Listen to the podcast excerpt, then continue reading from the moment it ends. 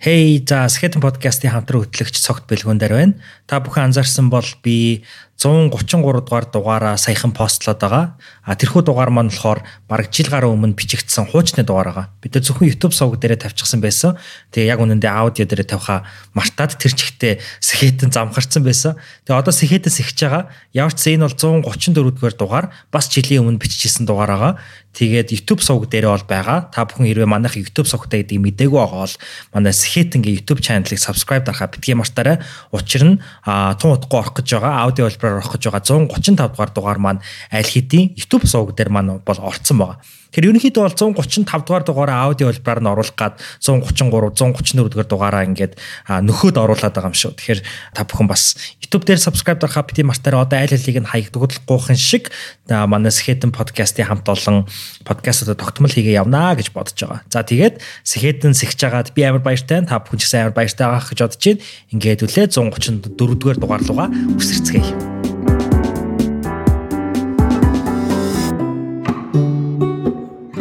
За сайн байцгаана сонсогчдоо Хэдэн подкастын ээлж дугаар хүрэх гэж байна. Өнөөдөр Монгол улсын өмнөд судаан нэгдсэн үндэсний байгууллагаас аа хийх сахиулах үйл ажиллагаа Монгол улсад 10 дахь жилдээ үргэлжилж байгаа.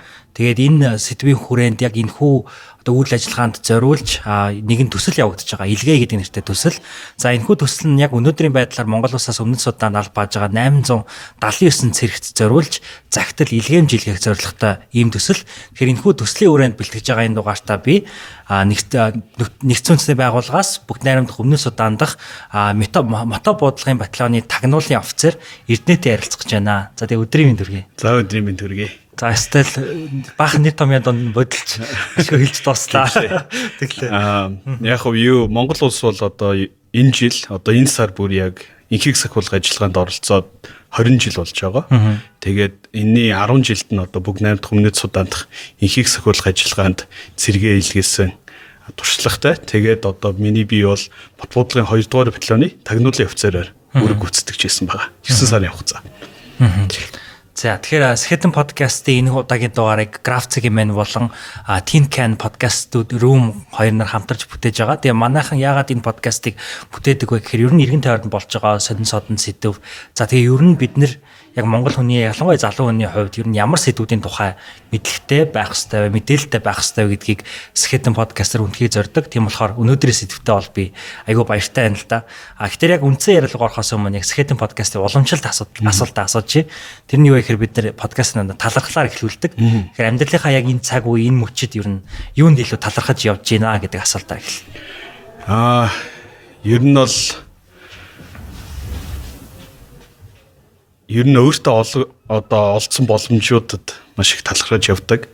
Одоо юу гэдэг Америк нэгдсэн улсад бакалавра тэтгэлгээр сурах боломж гарсан. Монголдо ирээд бас цэргийн байгууллагад ажиллах боломж олдсон. Тэгээ одоо инхийг сахиулах ажиллагаанд оролцох боломжтой байсан. Тэрэн дээрээ дөрөөлөд Оксфордыг сургууль төрийн бодлогоор сурах боломж үүсэж исэн. Тэр олон боломжуудыг одоо олдсон бас зүгээр ашигласан. Тэгээ тэр боломжуудыг бас бий болгосон бүх хүмүүстэй юм талархаж явдаг тийм. А тэгэхээр өнөөдрийн яг саний дурдсан сэдвүүдийн ялангуяа хоёр сэдвийг гин барьж аваад нэг сэдвүүдээр нь илүү 80% төвлөрөөд нөгөөх нь дээр нэг 20% төвлөрье гэж бодож байгаа. Тэгэхээр нөө 80%-ын төвлөрөх сэдв бол яг энэ инхээс ахуулах үйл ажиллагааны талаар тийм. Аа тэгэхээр инхийг сахиулах үйл ажиллагаа гэдэг талаар ер нь бол ойлголт өгөх бол энэ удаагийн дугаар одоо гол зорилго. Аа гэхдээ ингээд окей ингээд Википедиагаас унших юм бол нэг хэрэг. Аа гэхдээ яг ингээд инхийг сахиулах үйл ажиллагаанд нь оролцсон үнээс нь туршлагын сонсноо гэдэг нэг хэрэг. Тэгэхээр ер нь инхийг сахиулах ажиллагаанд одоо хизээ, яаж, яагаад, ямар үүрэгтэйгээр оролцож байсан энэ түүхээ аваалцаач. Би яг сая хэлсэн шүү дээ 2011 онд а Америкт одоо биологийн чиглэлээр суралцаад Монголд ирсэн. Тэгээд хэсэг одоо хувийн байгууллага, төрийн бус байгууллагад ажиллаж байгаад ер нь нөгөө цэргийн зарлаа ирээд аа тэгээ жоохон эртнээ хэсэг хэллээ шүү заа. Чаханд яваа. Тэгээд цэргийн зарлаа ирээд яг нөгөө цэрэгт явах шаардлага гарсан. Тэгээд ер нь бол одоо нуугаад явах те амар айж ясан тухай үед бол те цэргийн байгууллага одоо цэрэгт явна тэгэл одоо зодож цогтөг гэл амар одоо нэг тийм сөрөг юмнууд маш их байдаг дарамтлагдаг одоо а дарамтан доор ингээл үүрэг гүйцэтгэдэг гэд ер нь тэгээд энэ цэргийн одоо энэ албыг яах вэ гэд Тэгээ юу н харж байгаад яг тухайн үед бас цэргийн байгууллагт надаа мэрэгжлийн дагуу ажиллах боломж гарсан. Тэгээ тэр нь болохоор зэвсэг түвшний 027 дугаар ангид одоо цэргийн төв госпитал яг молекул биологчоор анх орж исэн. Тэгээд юу н тэнд нэг жил ажиллачаад ер нь цэргийн байгууллагт ажилласан юм чинь нэг жил болцсон юм чинь бараг энэ цэргийн албыг ер нь хаацсан гэж үзэх бодлого гэдээ бас тийм найдлагатай анх орж ирсэн. Тэгээд ер нь яг цэргийн байгууллагт ороод алтан тушаал дээр очиод ажиллаад яг тэр очинд нь ороод одоо нөгөө миний ажиллаж байсан алтан тушаал бол офицерийн мэст тэ орон тооны алтан тушаал байсан. Тэгэхээр бас офицер болох яг цэргийн хүн болох боломж нь бүрдсэн. Тэгээ ер нь ингээд а ажиллаад үзээ нэг л их таалагдаад нэг миний яг зан одоо байдалд бас их тохирох тохирсон. Одоо ийм босоо удирдлагатай дүрм журамтай яг нэг тийм газар амар их таалагдсан. Тэгээд юу нэг ингээд ажиллаж байгаа л одоо манай дарга нар бас тэгэл за юу чи офицерын орон тоон дээр орсон юм чи офицер бол зүгээр штэ гээл урайлал дэмжиэд. Тэгээд офицер бэлтгэх дамжаанд орж 2012 онд хамрагдчихсэн юм. Тэрний яг офицер бэлтгэх дамжаа нь яадаг вэ гэвэл а одоо тусгай одоо зэвсэг түвшний бэлтгэдэггүй болгосон хүчинг одоо төрөгчсөн байдлаар цэргийн мэдлэг олгоод офицер офицерын цол олгодог ийм дамжаага Батлан хамгаалах сургууль дээр явагддаг. Бас хөөхөн чанга яг одоо цэргийн одоо хоорондоо байрлан тэгэл одоо буудлага хийн одоо хужирууланд хонн тэргээл а тиймэрхүү хөтөлбөртэй. Тэгээд юу н өөрийгөө сориод үзье, юу н залуу хүн байна. Бас юу н таалагдсан болохоор нэг яваад үзьегээ тэгээд офицер бэлтгэх дамжаанд хамрагдсан. Тэгээд яагаад энэ офицер бэлтгэх дамжаа байдаг вэ гэвэл одоо жишээ нь эмч зэвсэг төвчин бэлддэггүй те. Тэгвэл хэрвээ цэргийн эмч гэдэг бол одоо яг босоо удирдлагын доор одоо командаар одоо тэнд оч гэхэд ялцшгүй тушаал биелүүлэх ёстой байдаг. А хэрвээ одоо энгийн эмчийг бид нэр тэр очинд аваачаад тавьчултай одоо юу гэдэг ар гэр хүүхдээ харах ёстой энэ тэргээд нөгөө тушаалаар явах боломж нөхцөл бүрддэггүй болохоор ялцчгүй одоо цэргийн эмч нарыг одоо офицер бэлтгэх дамжаагаар оруулж тэр одоо цэргийн удирдлага доор одоо босоо тэр удирдлаганд оруулдаг ийм онцлогтой байгаа. Тэгээд ер нь офицер бэлтгэх дамжаанд ороод аа сураад тэгээд офицер болсон. Тэгээд ер нь офицер болчоод бас яг тухайн үед бас манай яг 2011 он 12 он байсан манай зэвсэг төвчийн инхийг сахиулах ажиллагаанд оролцсон 10 жилийн явуулж ирсэн. Бас яг өнөөгийн л энэ гоё уур амьсгал одоо Монгол цэргүүдээр бахархах, Монгол цэргийн одоо инхийг сахиулах үйл ажиллагаанд оруулж байгаа хөв нэмрийг онцлох ийм гоё ажлууд ингээд бас явагдчихсэн. Тэгээ бас тухайн үед яг тэрэн дээр ингээд дотор байгаа хүний хувьд амар омгшоод ер нь бас нэг энэ ажиллагаа гэдэг юмд ороод явчихвал зүгээр юм болов. Юу н өөрийгөө сориод үзт юм уу гэд тэгэл ер нь шийдэд Тэгээд анх яг хоёр ажиллагааны боломж надад бол байсан. Нэг нь болохоор Судан улсын Дафур мужидах одоо UNMED гэдэг ажиллагаанд одоо цэргийн эмнэлгийн багт явах эсвэл одоо өмнөд Судан улсад үүрэг гүйцэтгэх. Тэгээд яг байж байхад тухайн үед бас өмнөд Судан улсад тагнуулын офицерын орон тооны шаардлага гараад бас яг нөгөө хилтэй байсан тэр нь маш давуу тал болсон. Тэгээд юу чи англи хэлтэй юм байна. Ер нь бас ажиллагаанд хилтэй хүн явах хэрэгтэй гэх. Тэгээ бас тагнуул цэргийн тагнуулын газар бас бэлтгэгдээд тэгээд мот буудлын 2 дугаар батальонд тагнуулын офицераар үүрэх гүйцэтгэх боломж гараад анх явжсэн. Тэгээд 2012 онд анх 13 оны 3 сард юм байна. Тэгээ 13 оны 3 сард өмнөд Судан руу нисэж байсан тийм. Мот буудлага гэдэг нь юу гэсэн үг? Ер нь бол одоо манай Монгол улсад одоо ерөнхий зориултын цэрэг, хөлийн цэрэг, дотоодын цэрэг одоо онцгой байдлынх ингээд шүүхэн шийдвэргээд мөрц зүүдэг маш олон одоо хүчний байгууллагууд байгаа. Тэр дундаас яг ерөнхий зориулт бол одоо яг цэргийн үйл ажиллагаа явуулдаг одоо тулаанд орох юм уу эсвэл одоо инхийг сахиулах юм уу ийм ажиллагаанд оролцдог одоо нэгжийг мот буудлага гэж ярьж байгаа. Мот буудлага нь тэгээд дотроо ус ингээд задраа явна шүү дээ. Мот буудлагын батальон гэж байгаа. Тэгээд мот буудлагын рот гэж болно те. Тэгэхээр одоо гурван рот нийлээд нэг батальон болдог. Гурван салаа нийлээд нэг рот болдог.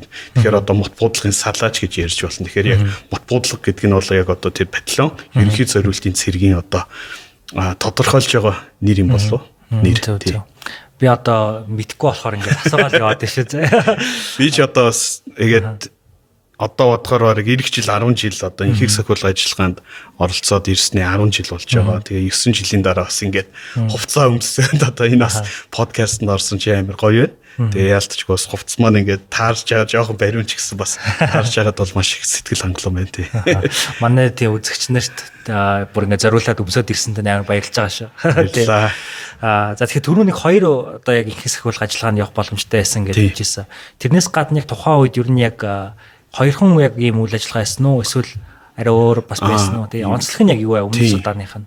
Аа тухайн үед яг Афган Афганд бас одоо нөгөө манай цэргийн албаа агч НАТОгийн ажиллагаанд оролцож байсан. Тэгээ НАТОгийн ажиллагааны онцлог бол ер нь одоо нисэх зурус болон одоо баазын аюулгүй байдлыг хангадаг Америк нэгдсэн улсын зэвсэгтвчин болон НАТОгийн цэргийн албан агч нартай хамт үүрэг гүйцэтгэдэг ийм ажиллагаа байсан.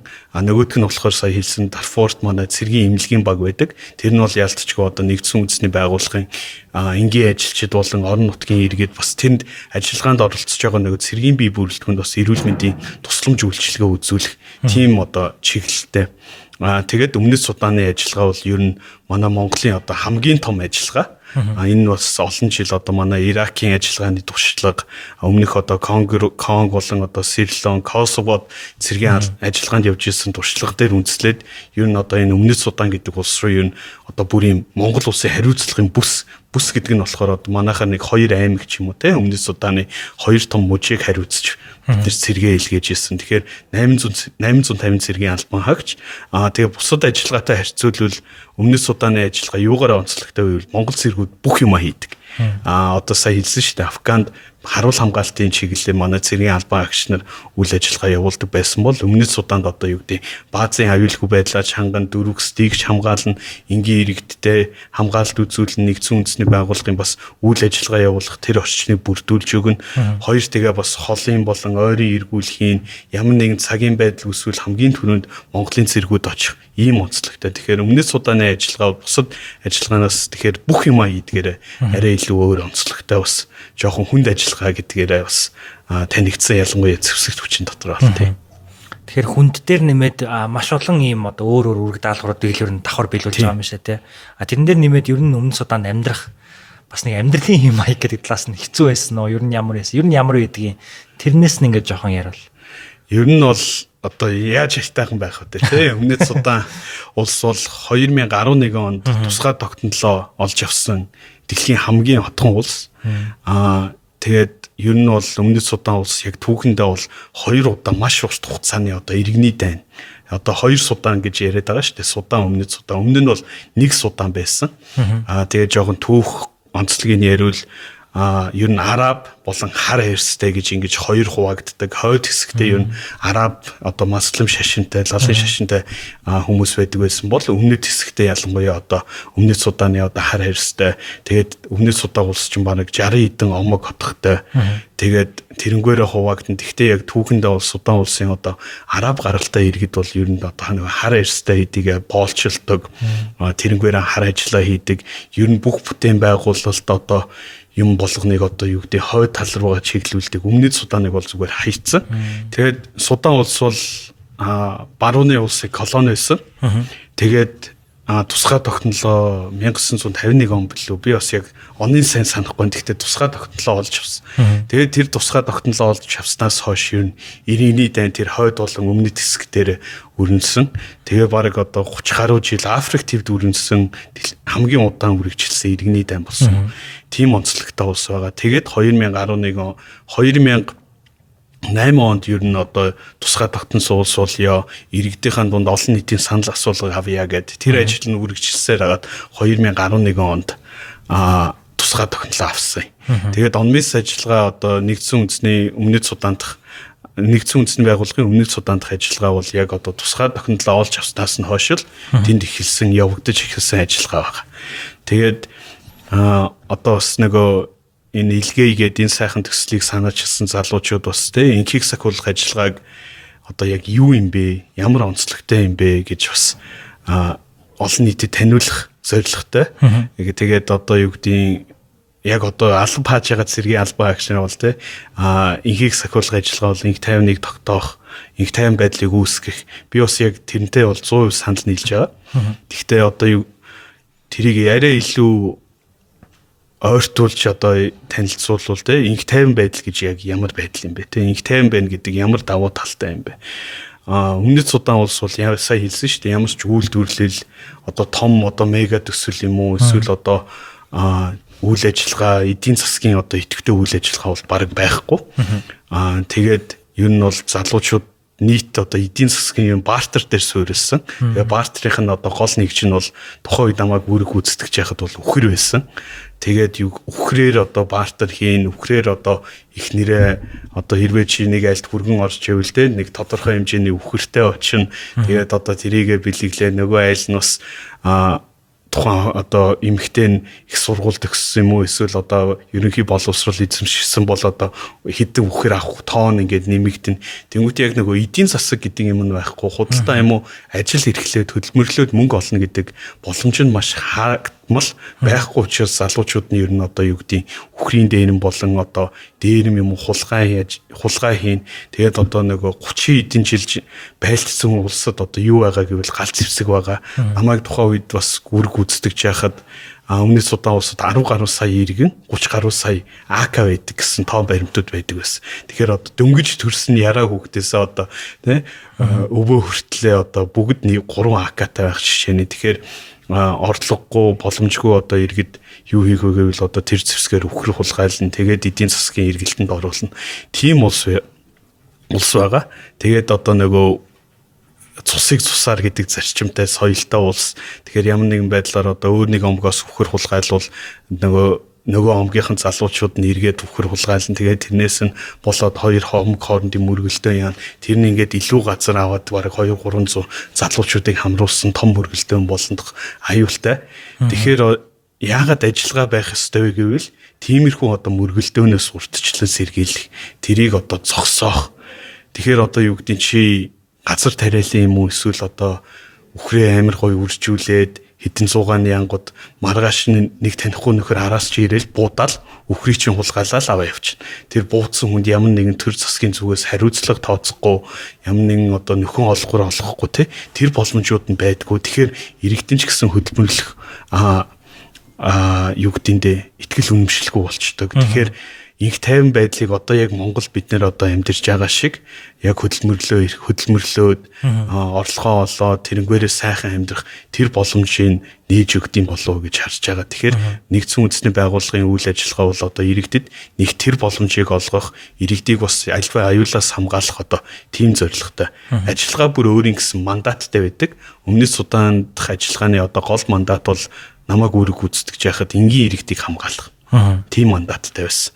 Сая тэгээд яг 2013 онд бас хоёр том хомгийнх нь хооронд одоо ерөнхийлөгч болон дид ерөнхийлөгчийн хооронд бас жоохон асуудал үүсээ тэр нь бас барыг дахин иргэний дайны төвшөнд очиод тэрнээс хойш бол одоо тэр 2000 20 онд сая хоёр талууд нь ер нь одоо инх 51 гэрээ хилцээр хийгээд тэгээд одоо бас мандаттай нь юу нэмэгдсэн бэ гэж сая харж байхад бол тэр гэрээ хилцээрийг одоо биелүүлэх хэрэгжүүлэхдээ нь бас нэгдсэн үндэсний байгууллага оролцох тийм мандаттай болсон байл. Тэгээд үргэлжлүүлээд ярих юм бол баг төр state building гэдэг шүү дээ. Тийм одоо төр бий болгох ч гэдэг юм. Энийний тухай ч ер нь баг ярихаар юм шүү дээ. Тийм ер нь яг а өмнөд Суданд одоо инхийг сахиулах ажиллагаа бол бас зөвхөн цэргүүд явахгүй тий?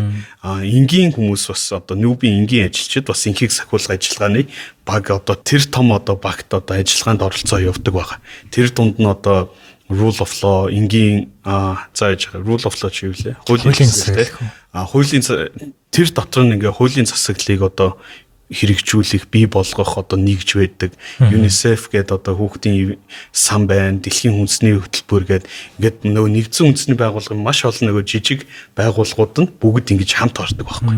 Тэгээд нэр яг өөрсдийнхөө чиглэл чиглэлээр үйл ажиллагаагаа явуулна. Тэгэхээр одоо UN Police гэдэг одоо нэгдсэн үндэсний байгууллагын цагдаа гэдэг бас манай Монголоос цагдаагийн албаа агшаар явдаг. Цагдаагийн албыг одоо хэрхэн шудраг болох вэ? Хэрхэн одоо иргэн төвтэй хүний эрхийг дээдэлдэг үйл ажиллагаа явуулах вэ гэдэг тэр зарч маань бас өмнөд Судан улсын одоо цагдаагийн албаагч нарт зөвлөгөө өгөө явдаг. Шүүхээр одоо ингээд мэрэгчсэн нүүбийн одоо мундаг мундаг ажилчид ирээд за шүүх засаглалыг бид нэр ингэж үүсгэн шүү шудрах шүүх ийм байдэн шүү гэд одоо засгийн газарт нь очиод ярьж өгнө одоо тэгээ мужийн бүнчт нь очиод ярьж өгөн тэгэл бид нар шиг одоо бүр сум руу нь очиж бас ярьж өгдөг. Энийг та нар ингэж хийвэл одоо ингээд одоо танай төр засаг те state building одоо сайж шүү ингэж төрийн бодлогоо явуулах ёстой шүү гэдгийг чиглэл өгдөг. Тэгэхээр ийм цогц одоо мултидименшн маш олон талаас нь одоо энэ төр барих одоо төр улс орны инх тайвныг хангах тэр үйл ажиллагааг явуулдаг. Тэгээд сэргийн баг нь тэр дунд яг тэр үйл ажиллагаа явуулах боломж болцоо бас аюулгүй байдлыг бид нэр гаргаж өгдөг байгаа. Одоо түрүү нэг мандат байдаг гэдээ ярьсан шээ те. Окей, очсон байна ер нь бол нэг үүрэгтэй гэдэг нь тодорхой юм байна. А тэгэхээр тийшээ очихоос өмнө зүгээр хоёул эргээ санах юм бол яг одоо ингээд өмнө судан руу явхаас 1 2 хоногийн өмнө бэлтгэлээ базааж исэн тэр үеийг дурсвал ер нь юу базаах вэ одоо яг цэрэг хүн Ер нь бол инхийг сахиулах ажиллагаанд оролцсон гэдэг бол 100%, 100% одоо сайн дураар явж байгаа. Тийм Монгол цэрэг би одоо энэ ажиллагаанд өөрийнхөө сайн дураар оролцсон. Тэгэхээр нэгт одоо хамгийн өмнө нь одоо базаах юм уу те бэлтгэх үе бол миний хувьд бол яг сэтгэл санаагаа бэлтэх байсан. Ер нь за 9 сар одоо энэ газар очих юм байна. Ер нь хаана очиж байгаа аффектив нь хизээж хөл тавьж үзээгүй. За инх тайван бус одоо дайн дайжинтай улсад очиж үзээгүй. Тэгэхээр нэгт сэтгэл зүгээ бэлддэг. Хоёр тус энэ ажиллагаанд явна гэдэг бол маш том эрсдэл. Тэгэхээр тухайн үед а надаа ингээд зэвсэг хүчнээс жанжиртаа бас юм бичиг өгдөг байхгүй юу. Ар гэрийнхэн одоо ямар нэгэн хүнээр гарын үсэг зуруулаа гэд. Тэр нь бол ингээд ажиллагаанд оролцох бол одоо юу гэдэг эрднийг 100% өөрийнх нь санаачлагаар ингээд явж байгаа. Ямар нэгэн байдлаар одоо ийм ийм эрсдэл байгаа. Ямар нэгэн байдлаар амь үрэгдвэл одоо гомдлгүй гэдэг юмдаа гарын үсэг зуруулж яж цэргийн албаа гişэр ажиллагаанд явт. Тэгээ нөгөө цаасаа аваад а За аав дээр очих ч бас юу юм бэ гэдэг ээж дээр аваад очиж байсан. Тэгээд яг ээж дээр ингээл за хүн одоо юу гэдэг нэг 3 хоногийн дараа явлаа штэ. Одоо энэ дээр тагаар өсөг зурчвал гэд. Юу ингээл ай нэг одоо амь өргөдөл одоо янз бүрийн болвол одоо гомдлгүй л гэсэн нэг цаас байгаа гэл. Уншичаал ээж маань бүр ингээд өөлж ирсэн. Өө одоо ингээд ээж нь гомдолтой үлдэн штэ. Яг чи явах хэрэг байна уу гэл. Үгүй одоо эн чин ингээ баг хэдэн жил гарвал одоо яв сэрэгт орцсон явъя гэл бие бэлтцсэн юм явна гэд одоо шул юу шийдвэр гаргацсан шүү дээ тагяас зүгээр байгаа энэ баг.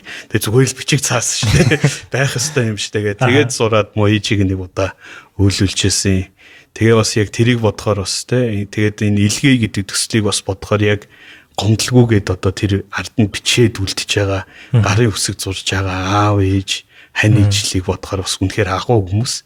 Тэгээ ер нь одоо юу гэдэг хайр тань одоо хүүгээ огноо одоо тэр дайн дайчинтай газар явуулаад ард нь би гомдлгүй үлдэн шүү гэдэг бол үнэхээр агуу.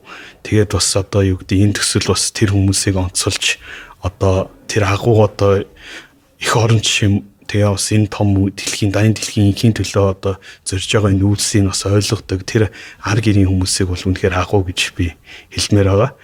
Аа тэгээд гарын үсэг зуруулчаад 9 сарын хугацаанд бас яг өмнөд судаанд одоо юу хэрэглэх юм те? За хамгийн наад зах нь л одоо юу гэдэг дөрөм тувц хоёр ширхэг байх хэвээр за гутлаа бэлдэн за тэгэл бүх юмаа бэлдэн те? 9 сар яг хэрэглэх юмаа бэлдэн зарим юмыг Монголоос олохгүй те? Жишээ нь одоо нөгөө шумуулаас хамгаалах гүнжийн тор бол Монголд байхгүй.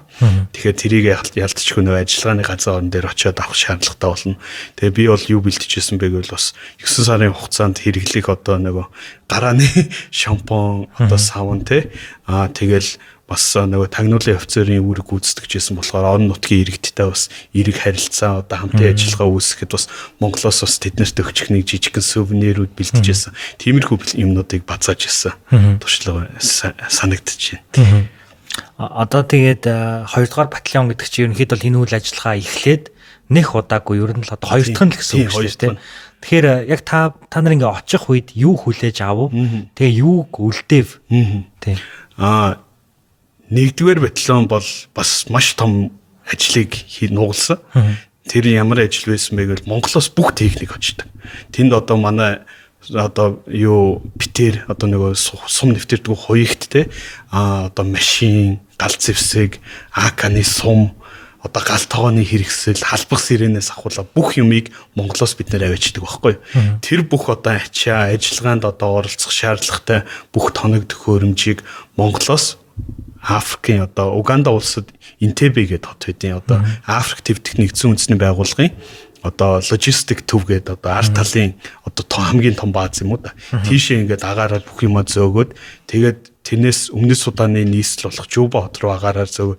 Тэгээд тэндээсээ одоо Монголын хариуцлагын бүс рүүгээ тэр одоо өмнөд судааны аим шавартай одоо өмнөхөр явахын аргагүй хэцүү замаар газраар одоо хөдөлгөөн үйлдээд давхар хөдөлгөөн үйлдэж яхад одоо цоошин улс те өмнө Монгол хүн үүрэг гүйцэтгэж үзээгүй улсад очиод тэр одоо цувааныхаа аюулгүй байдлыг хангаад бүх юм одоо өөрсдийнхөө хариуцлагын бүс одоо бинтүү хотод аваачаад байрлуулад тэгээ бааза бэлтжижсэн. Тэгээд бид нарыг очиход бол ер нь а нийт бие бүрэлдэхүүний бараг 90% нь одоо майхантай майхантай байсан. Тэгээд яг одоо нөгөө нэгдсэн үндэсний байгууллагаас олгодог одоо нөгөө контейнер сандвичийн одоо байшингууд бол хүлээж аваагүй нэг амар хэцүү нөхцөл угтчихсэн. Хэдэн градус ах хоёр нь? Ер нь бол бид нарыг яг очиход харьцангуй одоо хуурай хөвлөрлөн эхэлж исэн. Аа тэгэхээр бас яг эд халаагүй тэгтээ нэмэх 50 хүртийн хаяа. Тэгэхээр бас яг одоо бид нар тэгээд Монголд а 11 сард явж байгаа шүү дээ. Бас яг 9 эхлэх гээл. Тэгээ яг эд хүүтэнд амир бүгд өвлийнхөө нөгөө одоо өстэй хувцастайгаа нормын хувцастайгаа байж байгаа. Тэгэл тэрийг бүгдийг Монголдо үлдээгээл автобусанда суугаал нисэх ороод онгоцсондоо суугаад явж идэ. Явсан. Тэгээд яг Монгол хүний бас нэг онцлог байгаа. Энэ одоо олон нүүдэл манай нүүдэлч соёл юм уу? Одоо орчинтойгоо маш хурдан ингээд тасдаг тий Аа тэгэхээр бас яг очиод тэгэл нэг тим амир зовоод байгаагүй юм.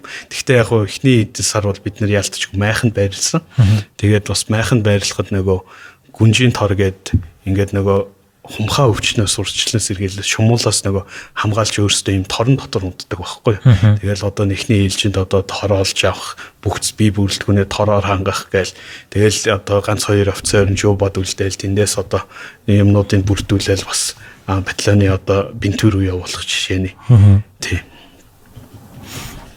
Одоо тэгээд та хэд очоод барьсан бүтээсэн үлдээсэн зүйл нь юу байсан бэ? Өмнөх батальоноос бас ингээд давуулж гэх юм уу, үргэлжлүүлж дуусгасан ажиллаж гэдэг юм уу? Аа, ер нь бол батальон бүр өөрсдийн онцлогтой гэж би харсан. Тэгээ яг тэр нь юунаас шалтгаалдаг вэ? Батальон захирагч те. Тухайн батальоныг хариуцаж авч явж байгаа хурандаа одоо юу үлдээмээр байна, юу хиймээр байна гэсэн бас зоригтой очдөг байх. Аа манай батальон захирагч бол бас 084 дугаар ангийн одоо тусгай үүрэгт батальоны одоо штабын дарга байсан. Үнэхээр мундаг офицер байсан. Тэгээд бидний одоо манай батальоны нэг зарчим барьж исэн гол одоо үндсэн зарчим бол манай нэгч цэргийн албаагч хумхаа тусахгүй гэдэг нэг тийм зорилготой байсан. Хоёрт бас одоо Монголынхон онцлогуудыг бас нэгдсэн үндэсний байгууллага болон өмнөд Суданы ард иргэдэд таниулъя гэдэг тийм зорилготой явсан. Тэрнийхээ хүрээнд бид нэр одоо 3 дахь батальон тийм гоё Монгол гэр нэг дээр байлгүй л мэдэхгүй байна. Тэгвэл одоо тийм Монголынхаа өв соёлыг харуулсан Монгол гэр үлдээсэн. Тэгээд бас тодорхой бие бүрэлдэхүүнийхээ бүх бие бүрэлдэхүүнээ бол одоо нэг саяны ярьсан нөгөө сандвичийн контейнер одоо байшин оруулж чадсан. Тэгээд тэр нь бас хаяа явах вэ? Нөгөө нэг одоо air conditioner ажиллах аваа чинь freon гэдэг нөгөө шингэнэн дуусч чинь те. Тэрийг олж авна энэ тэргээд. Тэгээд бидний яг үлдээсэн одоо бүтээн байгуулалт гэвэл батальоноо нэг бүр 100 майхнасаа гаргаж чадсан төв бааз дээрээ. А хоёрт бас нэгдсэн үндэсний байгууллагт бид нэр хамтраад тэднэрт төсөл бичээд өмнөд Судан улсын хоёр ерөнхий боловсролын сургуулийг догчуулах боломж биднэр олгогдчихсэн. Нэг нь одоо 50 мянган долларын грант бичиж аваад бид нэр одоо Rubicon гэдэг нэг жижиг хотын ерөнхий боловсролын сургуулийг сургуульч гэхэд хэцүүтэй юм хоёр зүгээр сүйдрвчийг тий ийм одоо нэгтэн сандвичаар байшин бариад нөгөөх нь ингээ бүр аа сүнсэндөө одоо ийм балгасыг ингэж дахиж засварлаад сэргээгээд тэгээд тэр чинь ингээд амар олон сарсан баав гарахтай байт юм бэлээ. Тэгээ одоо тийм одоо тэр байшин дотор ингээд таац дүүр ингээд сарсан баавгааны баас энэ тэр бүгдийн гойд цэвэрлээд тэгээд Монголынхаа онцлогийг харуулсан одоо гоё алтан хангаа нурууга тэгээ гоё гол орхио харуулсан гоё зураг одоо ханы мөөрөлөнтэй хүртэл зураад тэгээд үлдээжсэн. Тэгээ бас Периан гэр мужид бас бид нэр сургуульд огчулж яасан а мөн Париангд бид нар бас нэгдсэн үндэсний байгууллагын баазыг бий болгож бас тэнд шинээр бааз барьж ирсэн. Тэгээд а бас үндэсний одоо бинтүү Unity мужийн одоо төв зингэлгийн засварын ажиллагаа. Тэгэл одоо хүүхдийн асрамжийн газрын хашааны засварын ажил энэ төргээл одоо бас тодорхой хэмжээний бүтээн байгуулалтын ажил ажилд бас манай цэргийн албан хаагчлалд оролцож ирсэн. Тэгээ нэг давуу тал нь яг нэг батальоны нэг рот нь инженерийн ороод тэгэхээр тэр нь бол одоо юу гэдэг баазын аюулгүй байдал одоо тэр тор хаан те одоо нэвтрэх шалганд нэвтрэх цэгүүдийн одоо аюулгүй байдлыг одоо инженерээр одоо би одоо тэр шаардлагуудыг хангаж нэг бүтээн байгуулалтын ажилд оролцоод байж байдаг. Аа тэгээд ер нь Монгол цэргүүдийн бас нэг аа бусад улсуудтай харьцуулбал амар сэтгэлтэй. Аа тэгээд ер нь одоо ажиллагааны газар орон дээр очиход манай цэргийн албан агч нь бол яг Монголынхаа хэлийг даваал ажиллагааны газар орон дээр очиход те хөв хүний хувьд би бол яг Монгол улсыгаа төлөөлж байгаа одоо элчин сайд юм байна. Тэгээ тэрийг ч бас бид нар хилдэг байсан. Бүх цэргийн албаагч та гожигсааж байгаа л урд нь гараал.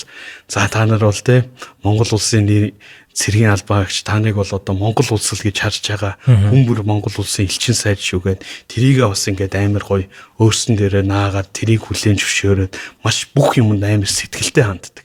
Саяны ярьдаг одоо нэг бүтээн байгуулалт байгаа шүү дээ. Сургууль засах, хүүхдийн асрамжийн газрын хашааг яах, тэр төв цэнгэлгийн одоо хашааг нь янзлж өгөх, эсвэл одоо нөгөө бүр 10 эдтэйгээс хүүхэд зэрэг болцсон те child soldier-уудыг одоо дахин нийгэмшүүлэхэд одоо ингээд тэр нөгөө зэвсэг бүлэглээс нь ингэж нүүбийнхэнтэй хамтарч аваад өөр одоо нөгөө аюулгүй орчин тавиачих тэр цууны одоо хамгаалтыг гаргаж өгөх энэ ажлууд бүгд ингээд нүүбэс хүсэлтээр ирдэг байхгүй. Аа за. Та нар энийг хийгээд өгөөч гингүүд болж өгвөл хийгээд өгөөч. Үгүйг хариулах боломж бол 100% биднэрт байгаа. Гэхдээ одоо манай батальон тийм Монгол цэргийн ийм илүү нэг юм сэтгэлтэй. Тэгэл аа за давай хийгээд өгөө. За хаашаа явах юм. Үгүй нь ийшээ хизээч нүүбийн одоо а цэргийн цуваа явж байгаагүй шүү дээ. Та нар мэдчихэв нүг. А за яах вэ гээл. Тэгэл газрын зураг харж байгаа л за одоо нөгөө нүүбийн мин устгах одоо унмасагийн одоо нэгж те энэ замыг яаж чөлөөснө үгүйг харж байгаа л за энэ замаар явбал хамгийн аюулгүй юм байна гээл газрын зураг дээр нөгөө эргүүлээ төлөвлөөл тэрнийхэн чиглэлээр одоо тагнуулын офицер бол тий гарч болцсохгүй бүх аюулуудаас одоо хурцлан сэргийлэх сэргийн албан хаагчд анхааруулах одоо тэгээд ямар нэгэн шаардлагатай омог ямар омог тэнд байдیں۔ ямар зэрэгсэрт бүлэглэл тэнд байдیں۔ ямар одоо мөргөлдөөнүүд өнгөрсөн тий сарын хугацаанд болсон хин хин хиндэ гомдсон байгаа ингээл тэр бүх мэдээллийг бас тагнуулын офицер хангаж өгдөг. Тэгээд тэр мэдээлэлээ өгөөд тэгээд сэргүүдээ явуулаад тэр бүрийг одоо ингээд бид нар бол маш одоо өөрсдийн сайн дураараа хийж өгдөг. Тэгээ би бас өнөөдөр одоо энэ 20 жилийн үед тохиолдуулаад манай Монголоос бас хамгийн анх одоо инхийг сахиулж ясан хоёр офицеруудын нэгийнх нь яриг нь сонсож явахад л дөрвөн ажиглагч офицер байгаа байхгүй тий ажиглагч офицер нь нэгдсэн үндэсний байгууллагын чихнүүд болж байгаа. Конго улсад одоо үүрэг гүйцэтгэж явах үеэрээ өөрийнхөө машинтай одоо нөгөө вакцин хийх одоо сумын эмчнийг өөрийнхөө машиндаа хийж авч яваад тэр одоо ингээд жижиг тосгонуудаараа яваа вакцинжуулж яасан гэж байгаа. Тэр бол 100% одоо цэргийн өөрийнх нь санаачлаг өөрийнх нь сэтгэлээс одоо гарч байгаа үйлдэл. Тэгэхээр ер нь одоо баг манай анхны инхийг сахиулагчид тэр одоо ёс заншлыг эхлүүлсэн. Энэ ингээд бүр батлон нэгжээрээ ингээд уламжлал болоо явсан. Энийхээ үр дүнд бас тэгээд Монгол цэрэг дэлхийн цэрэг те Монгол цэрэг бол ер нь инхийг сахиулах ажиллагаанд байгаа хамгийн одоо чадварлаг сахилга баттай гүйцэтгэл сайтай цэргийн албан хаагч нар байдаг гэсэн яриа энэс үүссэн болов энэ нэр хүнд энэс үүссэн болов гэж хардаг тийм. Аа тэгэхээр одоо Монгол яг төрөний асуултыг би асуумаар байсан яг энэ Монгол цэрэг дэлхийн цэрэг гэдэг те. Аа мэдээч хэрэг одоо төрөний ярьсан гэж жишээнүүдээс ингээд сургуульд өгчүүлсэн ч гэдэг юм уу. Аа тэгээд бас өмнө нь хоёлаа нэг ярьж хахад цэцэг ингээд ургуулсан те. Ингээд нэг жижигхэн одоо гарден гэдэг юм уу. Цэцэрлэгт хүрээлэн баг ингээд барьсан ч гэдэг юм уу. Тэгэхээр нөө юмхнаас юм болго би болгоод штэ. Ер нь Монгол цэргүүд Тэгэхээр ингээд харьцуулбал зүгээр яг муухай сонсогдох байх л та. Гэтэ ингээд тийм бусад одоо яг тэр өмнөд судааны иргэд ч юм уу яг эсвэл нөхцөл үндэсний байгууллагаас ч юм уу тэг үнэхээр Монгол цэргүүд одоо бусад одоо ийм улс орнуудтай харьцуулахад а ялангуяа үүрэг гүйцэтгэх дээр яг юугаараа бас илүү давуу талтай гэж ер нь нэг юм сэтгэгдэл хүлээж авдаг бол танай батальоны хувьд ч гэсэн яг авч ирсэн сэтгэл нь 850 цэргийн албагч албан хаагчтай 850 хүн шүү дээ тий. 850 хүнээс бас онцгой авиацтай онцлогтой туршлагатай хүмүүс бол байгаа. Тэгээд манай батальонд одоо жишээ нь агрономчтэй ингээд юм ургуулдаг нөхөр байсан. Эргүүл явхад те ингээл нэг цэцэгний үр түүгээл чи наадгаар яах гээд байгаа юм бэ? Минд очоо бараг дэлбэлчих гээд байгаа юм шиг болдог. Үе яах та ингээд гоё юм хийх юм а та ойлгоорой ингээд гоё цэцэг тарил да баац дотроо. Окей за. Тэгээ ингээд бид нэр ингээд сандвич ингээд гоё барьчаад тэгээ сандвичийнхаа одоо урдуур ингээд гоё цэцэг тарьж ийсэн. Тэгээ тэрий одоо тиймэрхүү гоё онцлогтой. Тэгэхээр бас яг хүн бүрийн өөрсний одоо сэтгэл ур чадвар дээр суурилсан онцлогуд байдаг. Хоёрт одоо Монголын цэргийн албан агчтай ер нь одоо ажиллагаанд яваад нэгдсэн үндэсний байгууллагт өмнө нь одоо Сэрлон энэ төргээд олон ажиллагаанд яваад танигдцсан. Сахилга бат одоо гүйцэтгэлээрээ тэгэл бусад улсуудтай харьцуулбал одоо жишээ нь инхийн энтгийн батлон өмнөд Судан намайг үрг гүйцэтгэж яхад хоёр батлон байдаг байсан. 2850 зэрэгтэй. Нэгж энтхийг бол тэгээд очиод яг ажиглаад батальоных нь үйл ажиллагаантай танилцаад явж байхад бол юу юу гэж харагдсан байг вэ? Ажиллагааны өмнө бэлтгэл хийдгүү. Бараг л шинээр одоо юу гэдгийг одоо нэг тосгоноосоо би зэрэг болно гэсэн нэг нөхрийг аваад цэргийн албан татаад бараг ажиллагаанд явуулсан юм шиг баг. Ажиллагааны газар орон дээр интэхгүй очиод тухайн үед яадаг байсан бэ гэвэл анх бараг буутаага танилцдаг байсан тэнд тэгээд буу одоо бараг л чи буу чинь энэ шүү. Ингэж одоо нөгөө гал хамгаалагч нь яа нэ хаана ингэж буухаа бараг хохын дарахаа бууддээ шүү тэр сургалтыг бараг ажиллагааны газар хорон дээр очиод хэрэгжүүлдэг хийдэг. Монголд ямар онцлогтой вэ гэвэл бид нар ажиллагааны бие бүрэлдэхүүн бол одоо яг манай одоо Монголын нэг цэргийн анги дээр үндэслэж явдаг суурилж явдаг тий манай батальон зэвсэг төвчний элитийн батальон гээд 150 дугаар анги дээр одоо Монгол улсын ер нь л одоо хамт яв үүрэг гүйцэтгэсэн дээч биш те ер нь ялтчгүй элитийн батальоны одоо штаб дээр бид нэр суурилж явж ирсэн. Тэгээд ажиллагаанд явхаас өмнө таван толгой одоо тэгэл маш олон сургалт одоо яг ажиллагааны газар орон дээр болж болох болцсохгүй одоо бүх цагийн байдал дээр бид нэр дадлага хийж ирсэн.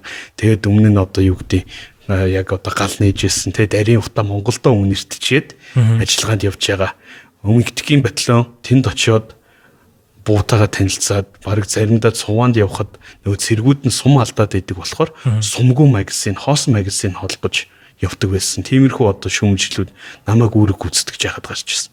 Тэрнээс болоод нөгөө энтхийн батальоны одоо хариуцдаг мужид үйл ажиллагаа явуулж байгаа нүүбийн одоо энгийн ажилчид те нөгөө цуваанд явхдаа маргэлжил алуулах жаа юм шиг бүх дуулага бүх одоо сум нэвтэрдгүү хантаазаа зүгэл бүх аюулгүй ажиллагааныхаа юмыг хангаал явдаг. Тэгвэл монголчуудтай явах болохоор бүх юм арагшаана шидчихнэ. Тэр чинь тэгэл барыг 20 30 жилийн одоо юм хайж байгаа шүү дээ. Тэгэл очиод шаардлагатай биш. Үгүй та нар яагаад ингэж юм бэ? Хамгийн юм өмсөөж аюул байгаа шүү дээ. Үгүй монголчуудтай явж байгаа шүү дээ. Бид нар бол яахчгүй найдвартай гэ. Тэгэхээр бас үнэхээр тодорхой хэмжээнд бид нар бол манай цэргийн албан агчд бол те сахилга баттай үүрэг гүйцэтгэлээр мундаг гэдгийг бол нэгдсэн үндэсний байгууллагт танигдсан. Тэгээд ер нь бас сүулдэ ингээд нөгөө тагнуулын офицер болохоор бас нүүбийн энгийн ажилчдтай дандаа харьцдаг. Тэднээс мэдээлэл авдаг, тэднэрт мэдээлэл өгдөг. Тэгээ нөгөө аюулгүй байдлын одоо батальон болон тийм нийт бие бүрэлдэхүүний аюулгүй байдлыг хангалттай энгийн иргэн болон төр засгийн одоо хүнтэй баг энгийн хувц өмсөд нэг уулзах жишээ нь. Тэгэл олон талаас мэдээлэл аваад дийдх алдан тушаалд харахтаа танилцуулдаг эргүүл цуунд гарч байгаа бие бүрэлдэхүүн танилцуулдаг. А тий За тэгэхээр э, тагнуулын офицер гэж байгаа шүү дээ. Тэгэхээр миний зүгээр ойлгож байгаа төсөөллөөр бол тэнд байгаа бусад цэргүүд бол өөрөг чинь тагнуул гэдгийг мэдэхгүй байгаа ч юм уу. Тим төсөөлттэй байна л та. Эсвэл мэдчихсэн үү? Оо мэдж байгаа мэдж байгаа. Угаасаа бүр нөгөө штаб гэж байгаа. Одоо штабын бүрэлдэхүүн гэж байгаа. Штаб бол юм одоо мотбуудлагын батальон одоо цэргийн нэгжийн уураг тариг гэсэн үг тийм. Аа яг одоо бүх одоо intelligence гэдэг байгаа шүү дээ. Тийм. Intelligence officer гэнгүй тэгэнгүүт одоо манайх чинь нөгөө НАТО-гийн юу руу орцсон болохоор одоо S2 гээд одоо а яг одоо нүүбийн ажиллагааны нөгөө стандартд орцсон. Тэнгүүд S2, S1 гээд ингээд ийм юу руу хуваагддаг байхгүй юу? Категори руу. Тэгээ S1 нь одоо жишээ нь хүний нөөц байх. S2 нь одоо а тагнуул intelligence а S3 нь бол operation ажиллагаа гэх. Тэгэд нэгдсэн үндэсний одоо цэргийн хүч өмнөд судаанд байгаа цэргийн хүч нь бас яг тэр зохион байгуулалтанд орчдөг байхгүй. Штаб нь. Тэгэхээр одоо J1 гингүүд яг л одоо бүр тэр өмнөд судаанд байгаа бүх цэргийн албан агчдын хүний нөөцийн бодлогыг гаргаж яадаг J2 гэдэг нь одоо тэнд байгаа бүх батальонууд руу тагнуулын мэдээ явуулж яадаг хангадаг тэр батальонууд нь одоо өөрсдийн үүрэг гүйцэтгэж байгаа тэр сум одоо хариуцлагын бүсээсээ тэднийхээ мэдээлэлийг хангаж яадаг. Тэгээ энгийн иргэдээс яадаг. Тэгэхээр тагнуулын офицер гэдгийг одоо нөгөө танихгүй нууцын тэр гэсэн бол байхгүй тий. Тэгэхээр яг одоо тагнуулын офицер гэдэг алтан тушаал байдаг. Тэгэл тэрэн дээр яг тагнуулын офицераар явчихсан. Тэгэхээр одоо тагнуулын офицерын яг ингээд нэг өдрийг өмнө судаан ингээд дүрслүүл өглөө эхлээд юу хийх үү ер нь өдөр дуусах хүртэл Аа одоо чи чи 9 жилийн өмнөх яваасан. Хамгийн тод юмнууд юм санаж байгаа юмнуудаас нь дордвол. Өглөө тэгээд тэмдэглэлтэй тэр тий. Аа. Тий. Юунд тагнуулын өглөө болгон харааж сэржсэн авал маш сайн харааж тий. Яа гээл. Тэгэл өглөөс сэрн хамгийн түрүүнд юу яана ажиллагааны офицер гэдэг одоо яг тухайн үед одоо гарч байгаа батальоныг хариуцж байгаа одоо ажиллагааны офицер гингүүд одоо нөгөө штабын офицеруудаас ажиллагааны офицероор ажилладаг. Тэр 24 цаг нөгөө ажиллагаа одоо өмнөд судаан Монголын үйл ажиллагааг яг хариуцаа хянаад явж яадаг одоо офицер уулзсан тий өөрөө бас нөгөө ажиллагааны офицер хийн. Тэгээ би чинь уулна яг анх ажиллагаанд явхад нөгөө өмнө нь ажиллагаанд явж байгаагүй 2012 онд дөнгөж офицер болцсон. Тэгээ шинэ будаг нь хангалцсан нөхөр байсан. Тэгээд яг өмнөд судаанд очиход бас манай ажиллагааны ахлах офицер бас аа намайг явах тэгэл үнэлсэн л дээ тий. Одоо юу гэдэг шинэ офицер юу цэргийн юунд бас тогоонд ороод удаагүй байгаа. Тэгээд юу намайг анх юуны орон тоонд тавьж ирсэн нөгөө ажиллагааны офицерын туслах гэд байдیں۔ Тэгээд тэрэн дээр гарч жижүүрс гардаг байсан. Тэгээд тэр одоо яг жижүүрс гарсан хоёр офицертойгоо уулзсан. За өнгөрсөн шин юу болсон бэ? Тэгээ манай Монголын цэргүүд чинь нэг газар байхгүй шүү дээ. Аа бидний үед дөрвөн өөр газар байсан. Одоо Румбекийн Румбек хотод манай нэг рот байсан, Вавд нэг рот байсан, тэнгууд Париан гэд нэг жижиг сумд тэгээд Ида гэд одоо тухайн үедээ дэлхийд дэх одоо хамгийн том дөрвөстийн лагер байсан. Одоо тэгээд нөгөө Сирийн мөргөлдөн Украиний одоо энэ дайнаас болоод юу тэр нөгөө хамгийн том гэдэг статусаа алдчихлаа л да. Тэгэхдээ тэр олон дайнд ажнаас одоо дөрвөж ирсэн дөрвөстийн лагер тэнд байдаг байсан. Тэнд бас манай цэргийн албан агч нэг салаа байрладаг. Тэгэл тэнд юу юу болсон гэдэг мэдээллийг авна. За хоёр тэгээд одоо нөгөө нэгдсэн үндэсний байгууллагаас ямар мэдээллүүд ирсэн байна. Өнгөрсөн шөн одоо хаана хаана мөргөлдөөн болсон байна. Хаана хаана гимт хэрэг болсон байна гэдэг мэдээллүүдийг саяны J2-оос биднэрт хүрээд ирнэ. Тэгээд тэр мэдээллүүдийг авна. Тэгэл тухайн За өнөөдөр хаашаа хаашаа эргүүл гарах юм те. Цэргийн хөдөлгөөн байгаа юу үгүй юу гэд. Хэрвээ хөдөлгөөн байвал тагнуулын офицер заавал орж аа ихтгэл тавьдаг. Ихтгэл тавина гэдэг нь бол те яг одоо тэдний явах чагаа тухайн газар орны одоо цагийн байдлыг танилцуулна. За та нар одоо энэ газар руу явах чинь энд бол одоо Динка омгийнхэн дийлэнх олонхон шүү За ийм ийм онцлогтой. За энэ замаар явна шүү гэдэг нөгөө саяны хэлсэн нөгөө мин устгацсан цэрэг эсрэг үүсэх мингүү газар маршрутаар яг ингэж явна шүү. За та нарын очиод уулзах хүмүүс энэ шүү гэд яг одоо тухайн эргүүл юм уу цуваг хариуцаад явах одоо офицертой уулзсан тэрийг мэдээлэлээр хангана. Тэгээд тэндээ бас одоо нөгөө баазаас гараа явхад бас ингээд байнгын хяналттай байна. Тэгээд хоёр а өөр одоо хийх ажил бол тэгээд батальоны үйл ажиллагаанд оролцоод явна те. Аа тэгэл аюулгүй байдал хаана ямар ч хүчил гарч ийн тэрнээс яаж урьдчилан сэргийлэх үү?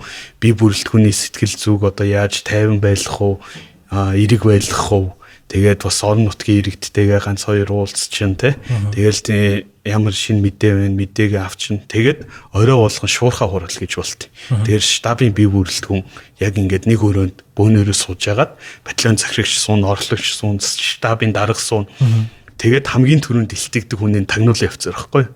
Одоо бүр батальоны захирагч ярихаас өмнө батальоны тагнуулын офицер ганц босч ирээ те эрхэм хурандаа тагнуулын офицер эрдэнэ илтгэж байна гэд.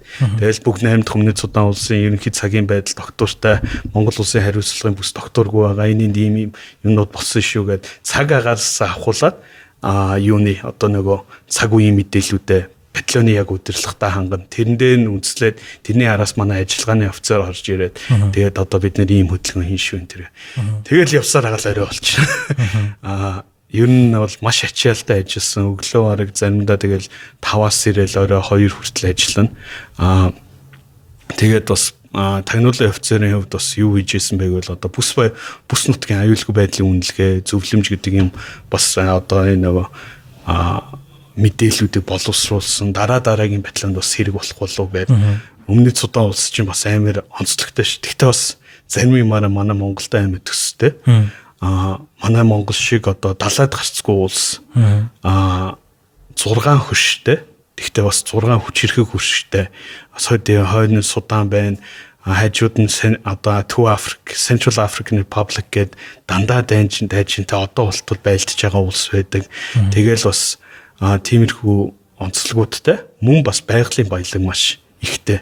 Бараг одоо улсаараа бараг газрын тос дээр хөвчин доо гэл бараг хурцвэрээ нүх хучул бараг газрын тос гараад ирэндээ гэл бид нэр тоглолтол байсан.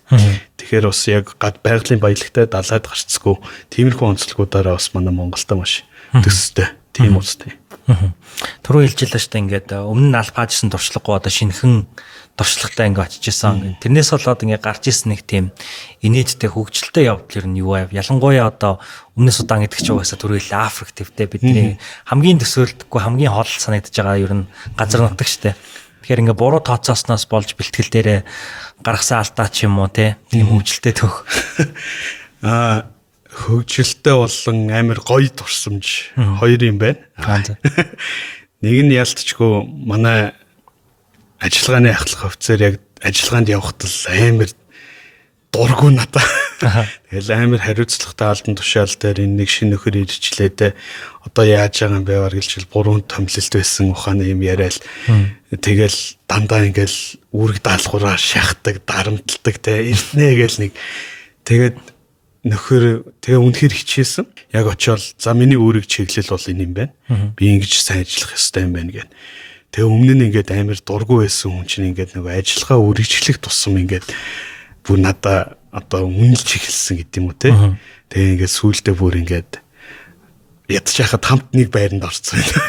Хамт нэг сандвичэд орцсон. Тэгээл анх яг нэг тим мэдрэмж авч ирсэн. Энэ нөхөрч энэ намайг одоо энэ айлтан тушаал дээр бол тохирохгүй байна гэж харж ингээ тэгээд тэр нь бүр надад илүү одоо хувцалж өгсөн. Бүр илүү хичээгээд. Тэгээ бүр сүулдэ ингээд над дээр ирээл. Бүр сайн дараа нь бүр амар сайн найзууд болол.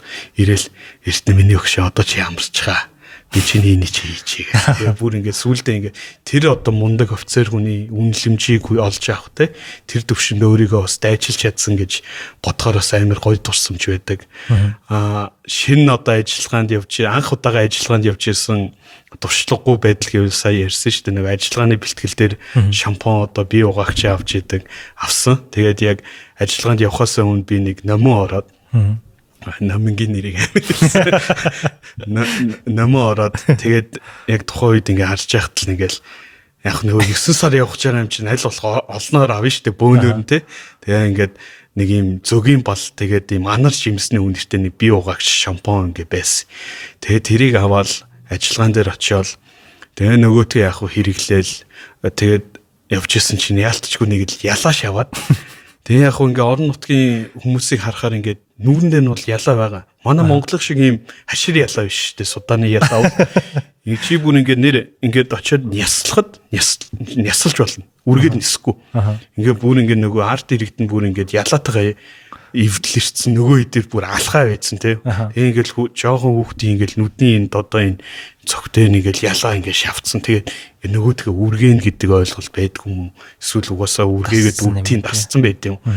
Тэгэл ялтчгүй нөгөө орон нутгийн иргэдийг харахаар тэд нар шиг бас намайг ялаа шаваад байгаа юм болов байл. Тэгвэл бусан монгол офицеруудаа харахаар нэг амир ялаа шаваагүй те. Тэгсэн яг юу болж ойлгосон бэ гэсэн нөгөө зөгийн болтой анар шимстэй нэг үнэртэй юмар толгоогоо угаагаад байсан. Тэгвэл нөгөөт чи ялаа шиг бол ингээд татдаг. Тэрийг ойлгочаа өө гэд. Тэгээ бүгдийг гаргаж хайчаад шууд өсөө хусаа хав алдсан болоод. Тэгэл одоо юу ер нь тиймэрхүү туршлагууд бас олж авсан. Тэгэхээр юу гэдэг одоо бас ажиллагаанд явах хүсэл эрмэлзэлтэй залуучууд байвал те аль болох илүү дутуу үнэр танартай юм битээ явж байгаарай гэж зөвлөмөр байна те. За тэгэхээр түрүүн хоёлоо бол яг одоо өөрийнх нь нэг өдрийг хэрхэн нь ярьлаа шүү дээ тий. Тэнгүүд одоо ингээ гадаад жишээ нэгээ сургуульд явангууд нэг тийм culture shock-нд орно гээл эхлээд нэг жоохон ингээл айгу үсрээл тэгэл айгу уналтанд ороод дахиад нэг үсрээл гоё юм байна гэж бодоол. Эл гэр орноо санаал ингээл айгу олон нөгөө мөчлгүүдийг давж тулаал нэг айгу докторчж байгаа шүү дээ. Тэгэхээр ингээ батальоноор одоо энэ 850 хүн ер нь хамтдаа яг энэ хугацаанд ямар ямарын мөчүүдийг ер нь туулах уу энд ямар ийм бас одоо яг сэтгэл зүйн те хүнд бэрхшээлүүд гарах уу энэ талаас нь ярил. Аа батальоны дотоод сэтгэл зүйдээр бид нар бол маш анхаарч явдаг. Бид нар чинь нөгөө Монголоос явж байгаа болохоор Монгол руугаа буцна гэсэн ойлголт байхгүй. Тэгэхээр нэг жил юм уу 9 сар яг тэр чигээр нь хийчихэж байгаа байхгүй. Тэгэхээр одоо нөгөө ар гэрээ санах, сэтгэл зүйн одоо данамтад орох Тиймэрхүү асуудлууд бол байгаа. Тэгвэл альваа одоо хүн гадаадд гараад анх удаа гадагшаа яваад өөр улсад очиод хамгийн түрүүнд хийдэг юм бол өөрсдийнхөө эх оронтойгоо харьцуул. Өө би ч гэсэн харьцуулж исэн бас манай цэргийн албаа агшд ч гэсэн харьцуулж исэн л баг те. За манай Монголтой харьцуулвал ер нь нэг иймэрхүү юм байна. За тэгэл бас манайх чинь нүүдэл чинь соёлтой мал аж ахуйтайгаа их ойр хүмүүстэй. Тэнгүүд бас өмнөд судааны иргэд яаж үхэртэйгээ харьцдаг ингээл тэрийн тэрийг хараад ингээл харьцуулт бол дандаа л хийдэг байсан. Аа яг одоо ажиллагааны юу гэвэл ялтчгүй очиод эхний ээлж нь бүгд нэг тодорхой хэмжээний шоконд орно те хаймаш халуун газар хүрээд ирлээ. За хамгийн наад зах нь л нөгөө кондишнгүй өрөөнд майханд орчлоо. Тэгэл хувцаа тайлна одоо юу гэдгийг цуванд явж байхдаа гамирсэр одоо нөгөө дуулах юм уу юм аваа тавьчин те тиймэрхүү асуудлууд эхлээд гардаг байсан. Тэгэл цагийн байдалтай ороод юу н аюултай аюултай газар ирсэн байна эсвслүүд байгаа гэдгээ ойлгонгууд илүү сахилга батанд сайжрал офицеруудын хувьд ч гэсэн бид нэр шаардлага тавиал аюулгүй ажиллагаагаа байн хангаа явж идэг байсан. Аа тухайн үед бас ингээд нийт бие бүрэлдэхүүний одоо сэтгэл зүг дэмжихүүднээс бас хөөхөн хөөхөн арга хэмжээнүүд бид нэр зохион зохион байгуулдаг байсан. Жишээ нь одоо батальоны хэмжээнд бэсрэг наадам хүртэл бид наадмын одоо харуул хамгаалтаа амар сайн зохицуулаад тий бүх юмаа яг гожин там болгочвол яг батальоноороо ингээ гоё юм урлагийн номертой нэг хідэн бүх барилдаал. Ажиллагааны одоо арстан цол хүртэл бид нэр одоо цэргийн албаа гişta өгчээсэн тийм гоё тусламжууд байдаг. Тэгэхээр бас ингээ аль болох Монголтойгоо ойрхон аль болох бас өөрсдийнх нь юмтай хар гэртэй нь одоо гэр аль болох одоо Монголтойгоо ойрхон те сэтгэл зүгийн дэмжсэн юмнууд хийдэг байсан. Арга хэмжээний зохион байгуулдаг. Тэгээд сая 850 цэргийн албан агчдаас хөөмилдэг, морин хуур тоглодог, сур харавдаг, сумын начин, сумын цаан байсан хүмүүс гараал ирнэ. Тэгээд тэдний гой барилдаад тэгээд урлагийн номерүүд хийн, урлагийн үзүүд одоо тэгээд нөгөө хоорондоо өрсөлдөн те. Аа Тэгээд тэрнгээрээ бас дамжуулаад бид нөгөө нүүбийн энгийн энгийн ажилчдаа энгийн хүмүүсээ бас ураад тэднэртээ бас хөөрхөн Монголынхон түүх уламжлал соёлыг харуулчин гартан тулааны үзэлбэр одоо гартан тулааны одоо урлаг те тэрийг үзүүлсэн одоо арга хэмжээнүүдийг бас яг тухайн орон нутгийн иргэд рүү аль болох илүү үзүүлнэ. Яагаад гэвэл бас тэр чинь Монгол цэргүүд бол эвгүй шүү те та нар одоо юу гэдэг интикийн батальоны цэргүүдийг танталж болно. Монгол цэргүүд рүү чи ямар нэгэн байдлаар одоо те юу гэдэг юм бодвол барилж чамайг алын шүү гэдэг тэр сэтгүүг бас одоо орон нутгийн иргэдэд суулгаж өгөх тиймэрхүү зорилготой байдаг байсан. Тэгээ миний одоо бас нэг хамгийн гоё тусламжуудын нэг гэвэл яалтчгүй одоо хоол ундтай болчихлаа л да. Аа юунд ингээд нөгөө тухайн сар бүрээр одоо нөгөө төрсөн цэргийн албан хаагчдуудыг ингээд цуглуулж ягаад манай одоо арын бас цэргүүд байгаа шүү дээ. Гар цэргийн гал тогоонд нөгөө манай тогооч нар хөөрхөн гараа гаргаал яг өмнөд судаанд гартаа болтож байгаагаар ингээд хөөрхөн спорт хийдэг байхгүй. Тэгээд би 9 сар төрсөн. Тэгээ яг 9 сар төрчөөл тэгэл одоо ажиллагааны офицер энтертайгаа ярьж байгаа л да. За наад өдрөө бас өөрөө нэг эргүүл юунд явахгүй өдрөө тааруулж гад байгаа шүү дээ. За 9 сарын цэргийн албан хаагчдын төрсөн өдрийг энэ өдөр тэмдэглэе шүүгээ.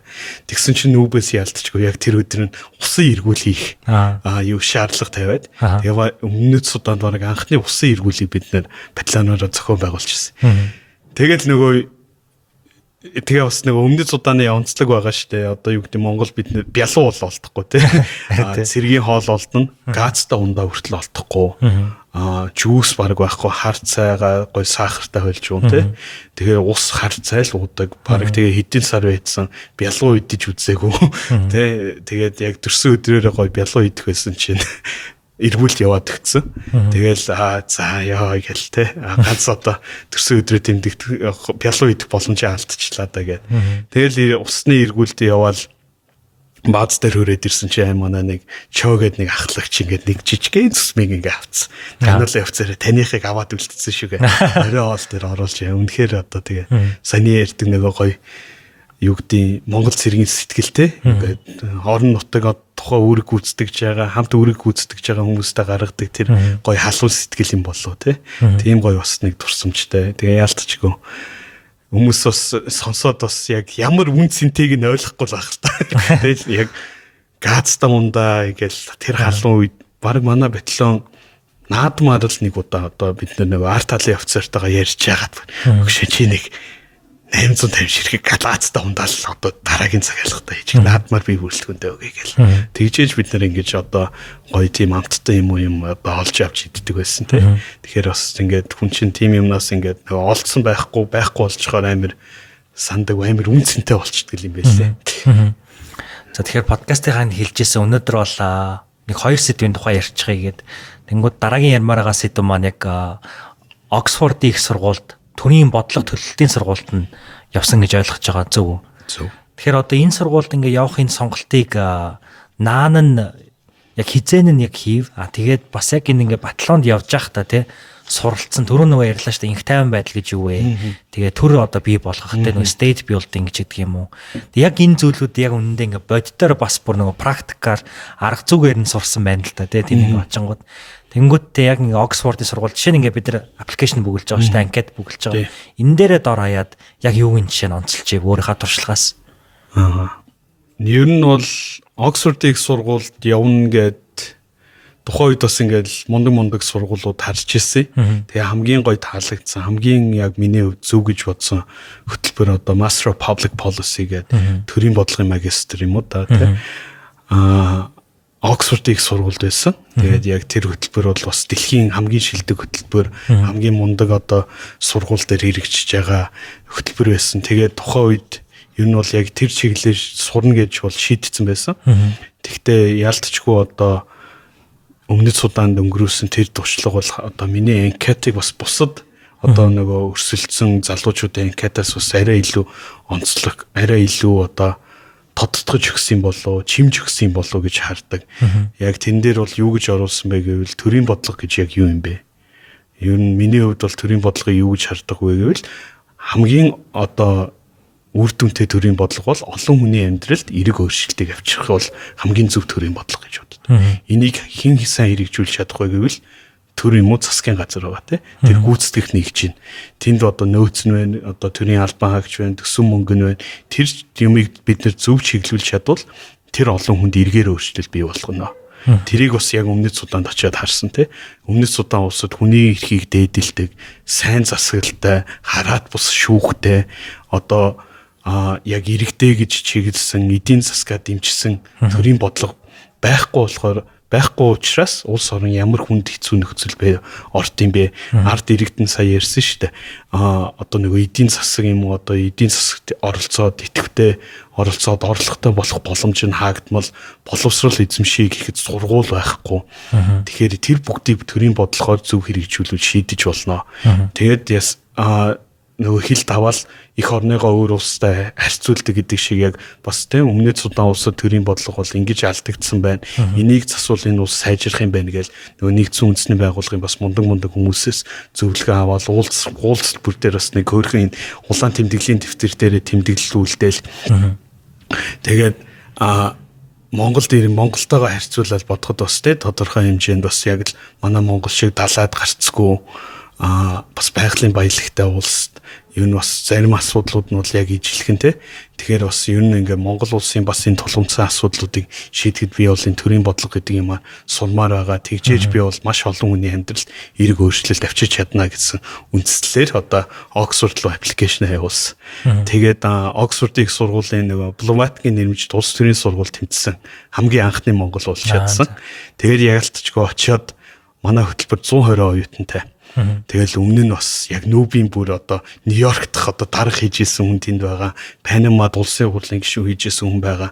Эсвэл яг дөнгөж их сургуулаа төгсөөд ирсэн залуу байгаа. Тэгээд Оксфордод эхний 7 хоногт нэг orientation week гэдэг юм танилцах 7 хоног болдог. Тэгээд нөгөөд чинь ингээл өөрсдөө амар өндөрөөр ингээл танилцуулалаа. Би бар гэлжэлтэй хэдэн 10 мянган залуучуудыг ингэж урайлаад ийм хөдөлгөөн хийгээд одоо Шри-Ланк улстай одоо юу гэр оронгүй хүмүүсийн асуудлыг тодорхой хэмжээнд шийдсэн ингээл. Тэгэл яалтчгүй тэр дундаас хамгийн гоё онцлогтой бас миний одоо түүх бол те би нүлдсэн үндэсний байгууллагын инхийг сахиулах ажиллагаа өмнөс судааны одоо энэ шинэ ажиллагаанд ингээ гар бие оролцоод ирсэн. Тэнд бид нэр саяны хэлдэг state building үйл ажиллагаанд оролцсон. Монголд ч гэсэн би одоо ингэж state building үйл ажиллагаанд орох хэрэгтэй юм байна юу инг гэж ирсэн юм а гэх бас яг тэдний төвшин гайгүй очичаал. Тэгээд Oxford Blues гэдэг яг тийм юу байдсан байлээ. Мэдрэмж одоо монголоор арчилвал тэр нь юу вэ гэвэл яг одоо нэг амар мундаг хүмүүстэй нэг өрөөнд ороод ирэнгүүтээ өөрийгөө ингээ үүсгэж юм байл л дээ. Би ер нь яаж яваад энэ Оксфорд их сургууль импостер синдром импостер синдром чи яг тусд юм бэл. Орчвоо гэл. Тэгэл тэгээ тэрийн угаасаа яг сургууль нь яадаг ойлгодог мэддэг. Тэгээд яг тэр 7 хоногийн сүүлд нь ингээл хэлж байгаа хөөх. Ийм Oxford Blues гэдэг энэ imposter syndrome гэдэг юм байгаа шүү. Та нар бүгдээрээ яг энд байх хэвээр. Бүгдээрээ бол яг одоо өрсөлдөөд гараад ирсэн мундаг залуучууд бүгдээрээ бол нэг төвшнийх шүү. Тэгээ одоо хэдүүлээ гоё нэг анги хамт олон болоод одоо гоё суралцсан шүү гэж тэгэж үрэлдэг. Тэгээд тийм одоо онцлогуд, тийм гоё бас боломжийг инхийг сахиул ажиллагаанд оролцсон түүх маань одоо туршлага маань бас надад бий болгож өгсөн. Одоо яг ингээ түүхээ өмсцэн бас юм шүү дээ. Тэгээ ер нь яг энэ хувцас жишээнд найзуудтай харуулж та Оксфордд. Үгүй. Үгүй юу. Үгүй энэ хувцас Монголдо үлдээгээс. Эний чинь бас гоёо нөгөө хадгалахаа би чинь бүр одоо нөгөө а ийм нөгөө нөгөө сордог юм уутанд хийгээд гоё ирэхэд ингээд тэр чинь өмнөд судаанд ялтчгүй тэгээд ийм үнэр энэ тэр юмд орчдөг. Аха. Тий. Тэгэл орон нутгийн иргэд бол үнээр танаар болгосон. Эвгүй штэ. Тэгэл одоо бид нар жишээ нь Африкийн хүүхдийн баярыг одоо амар том стадионд ингээл зохион байгуулж байгаа орон нутгийн удирдлагууд нь тэгэл тэнд бас ямар нэгэн байдлаар асуудал үүсчихгүй буудалцсан болчихгүй гэж бид нар аюулгүй байдлыг хангана. Тэгээд нэг гартан тулаанаа үзүүлэн тэгээ нэг ороотой хөөрхөн чагсаагаад нөгөө чагсаалыг үзүүлбэр үзүүл чинь те Монголын цэргийн сүр хүчийг тэд нарт бас бал байдлаар ойлгуулж байгаа. Тэгэл тиймэрхүү юмнууд ЗБ гээл нөгөө орон нутгийн иргэд чинь ингээ шаваал ирчин. Тэгэл үнэр та нар ингээл амар. Тэгээд тэр чинь ингээ Монголд ирээл хувцас угаагаал аль болох үнэр та наргүй болгоод олон жил дарсны үрдүнээс айгу одоо ийм байдалтай хадгалж үлдсэн байна. Танай батлаа нөгөө нэг хүүхдүүд маамуу наашиг зааж өгсөн батлаа юм л ч тийм. Тий. Тэрний ер нь айгу вайрал явсан Монголд. Тэгсэн. Тэрний суурийг одоо манай бааз руу ордог ийм хоёр шалган байдаг. Тэгээд нэг нь бол яг уу яг өдөр тутмын одоо а гарч ордог одоо бие бүрэлдэхүүн хүмүүс ашигладаг. Одоо батлаа эргүүл сууганд явд. Нөгөөх нь болохоор хоёрдугаар шалган гээд манай техник байдаг шалган баггүй. Одоо битээр хуйгт энтраа гаргадаг. Тэр шалган дээр харуулын цэг байдаг. Тэгэл тухайн харуулын цэгийн ойролцоо тэгээ өмнөд судааны иргэд бол аль болох аюулгүй орчин тий. Аа бааз бараадахыг боддог. Ямар нэгэн байдлаар одоо асуудал үүсвэл яг Google орж ирэл манай хамгаалтанд орох боломжтой. Аа тэгэл бас яг хуу илүү гасан аяа нөгөө чихэр боо байвал бас нөгөө хэдтэй хаяа ингээл манай цэргийн албаагч гоё сайхан сэтгэлтэй болохоор хүчдэг тий.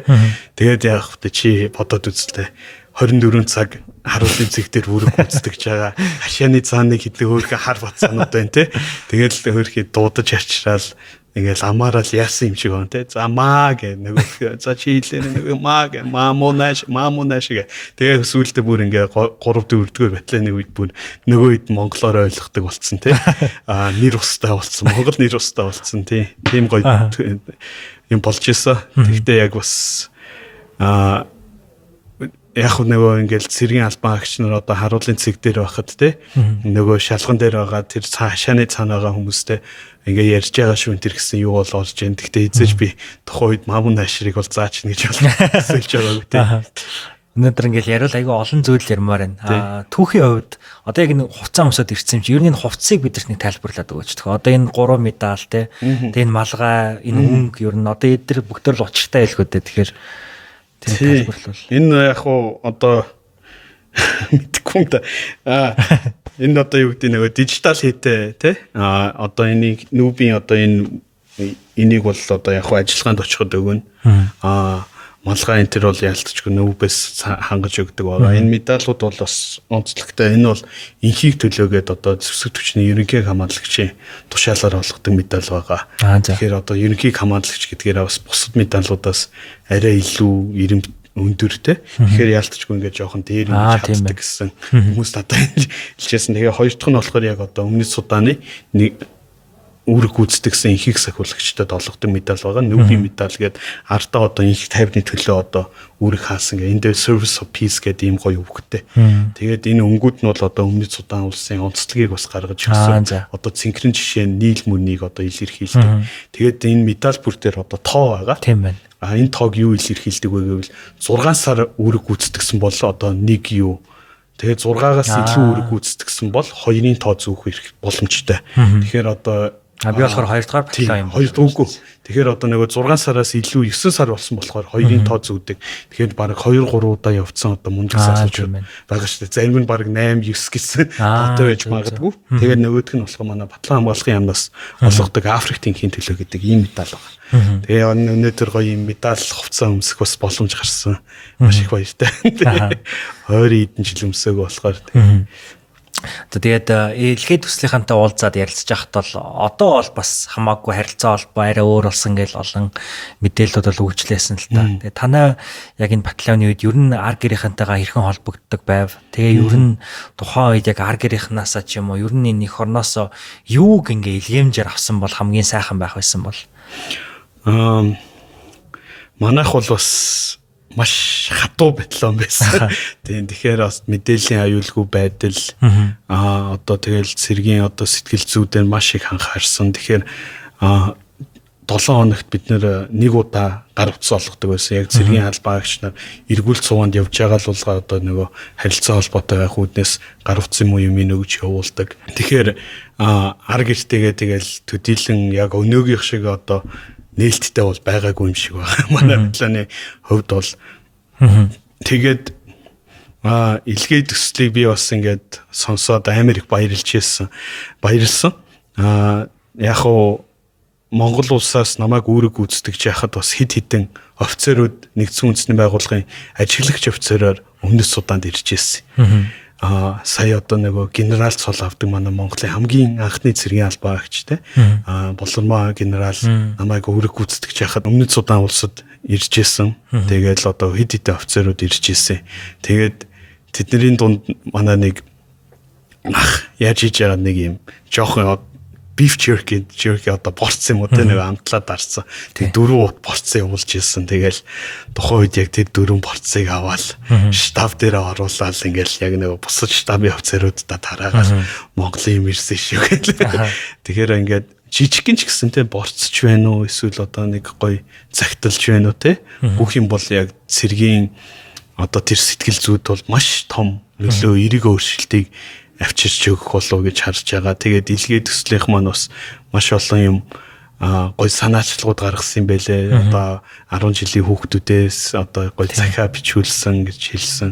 Аарц явуулах жагаа гэд. Тэгээд бас надаас асуусан л да тий таныг үүрэг гүйцэтгэж яхад юу явуулвал амар гоё байх байсан бэ гэд. Би бол эзэж бив jerky тийм гоё байна гэж бодоогүй. Тэгээ ингээ хоол руу орцсон ялцчихгүй тий. Аа тэгэхээр ямар ч ингээд гоё сэтгэл шингэсэн юм байвал амар гоё байх болоо. Тэ тэнд одоо үүрэг гүйцэтгэж байгаа нэг жил болж байгаа хүмүүс шүү дээ. 6 сарын яг одоо юу гэдэг 6 сар болоод яг ингээд шантраад ажиллагаа талдаа хооронгууд амар хүнд хэцүү нөхцөл. Ингээд амар дарамттай болт юм байлээ.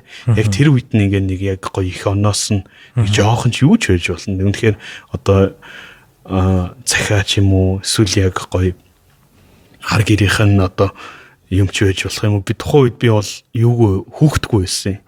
Аа тэгээд манай ажиллагааны офицер нэг 3 настай охинтой.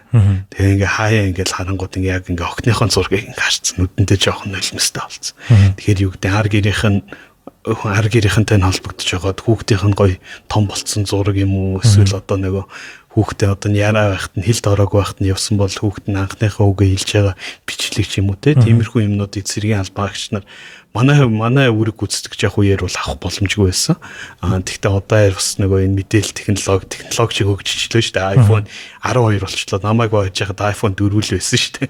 Тэгэхээр 13 одоо 13 болчихлоо. 14 гарах чинь. Тэгэхээр iPhone 4 4-ийн үе байсан гэхээр чи энэ видео юм уу Messenger гэдэг юм баг байгаагүй те. Имэйлэл яадаг байсан. Тэгэхээр тиймэрхүү нэг жижигхэн сэтгэл шингэсэн юу ч байж болно. Тийм юм хэлгээвэл амар үр дүнтэй маш том эргээр өөрчлөлт болох болов гэж харж байна. Эртний офицерын хувьд тэгвэл яг өдөр хоногоо тоолж байхад юу хүлээж ив? Төрөний нөхөр бол хүүхдээ хүлээжсэн байж тээ. Тийм. Би энэ подкастн зориулаад энэ ажиллагааныхаа үед тэмдэглэжсэн дэвтрээ авчирсан. Тэгээд яг энэ дээр яг одоо юу гэдэг миний илтгэжсэн шуурхаа бүрийн одоо мэдээлэл байгаа. Тэгээд шуурхаа бүрдээ тэмдэглэл төлөө явж байсан. Аа дээд алтан тушаа одоо дээд офицероос одоо батальон захираг штабын дараагаас өгсөн чиглэлүүдийг бүгдийг тэмдэглэж авдаг. Цагийн байдал, цэргийн албаа, хідэн цэргийн албаа хаана байгаа гэдгийг өдөр болгон бид нэр хянж бүртгэж явах хэвээр. Нэг цэргийн албаагч маань хадлаг болчихгоогүй те. Тэгээ энийг ухаж яхад энэ нарийнх нь хуудсан дээр ингээд календарыг би ингээд нөгөө өдөр хоногоо тоолоод ингээд өдрийг ингээд дараад явчихсан. Excel. Excel явчихсан. Тэгээд тэрний хамгийн сүүлд нь 12 сард ингээд fiance-гээ бичсэн байсан. Тэгэхээр яалтчгүй ажиллагаанд явах сүүл бүсгүй те ажиллагаанд явахаас өмнө одоо Монгол ирээд суугаад хүүхд гаргаа гэвэл бит хоёр бүтээсэн. Гэхдээ явахаас өмнө сүү тавих одоо хүсэл тавьсан те надтай гэрлээж гээ. Тэгээд сүү тавьчаад бит хоёр нэг сар сүү тавьсан. Аа тэгээ 3 сард нь би яваад гисэн. Тэгэхээр яалтчгүй тэгэл одоо хань ижлэл үүлсэн боллоо тэгэл аав ээжтэй дүү ахыгаа бас сансан тий. Тэгтээ яалтчгүй ингээд тэр календар дээр харангууд ингээд нэг бүхэн зүрхэн тэг бичсэн байгаа байхгүй юу? Бас үнэн романтик тий. Тэгээд тэрийг тэр энэ юуны ард байлээ. Тэгэхээр бас яг тэрийг л тэр хүнийг л их сансан боллоо. Дахиад ажиллагаанд явмаар санагдсан уу ер нь? Ажиллагаанд яв өмнөд Суданаас ирээд Афган явах боломж надад гарсан. Аа. Оо давай Афганы ажиллагаа чи амар гоё штэ гэж. Хүн болгон гоё ярьдаг НАТО NASA тий. НАТОтой тий НАТОтой тий. Тэгэл нөгөө Iron Man 1 дээр гардыг штэ. Одоо санаж байгаа бол ингээл нөгөө баах юм хөргөчнөөс ингээл те хүүтэн пив гаргаал ингээл зэргүүд нь ингээл амар аз жаргалтай те. Бараг л чил тим гэл кинонд гардаг шиг ярьж байгаа байхгүй маа хүүтэн кола те. хүүтэн колотой. Аа тэгэл вау за натогийн ажиллагааныг яваад ирвэл те. Натогийн ажиллагаа бас нүүбийн ажиллагаанаас арай өөр онцлог те. Натогийн ажиллагаа гэдэг бол. Тэгэл юу натод явъя афган яваад ирээ гэн тэгээ нэг өсөд өсгөдөө хэлдэг нэг 6 сар бас өөр нэг ажиллагаа сална шүү гэсэн. Тэгээ за за тэгээ болсон шүү.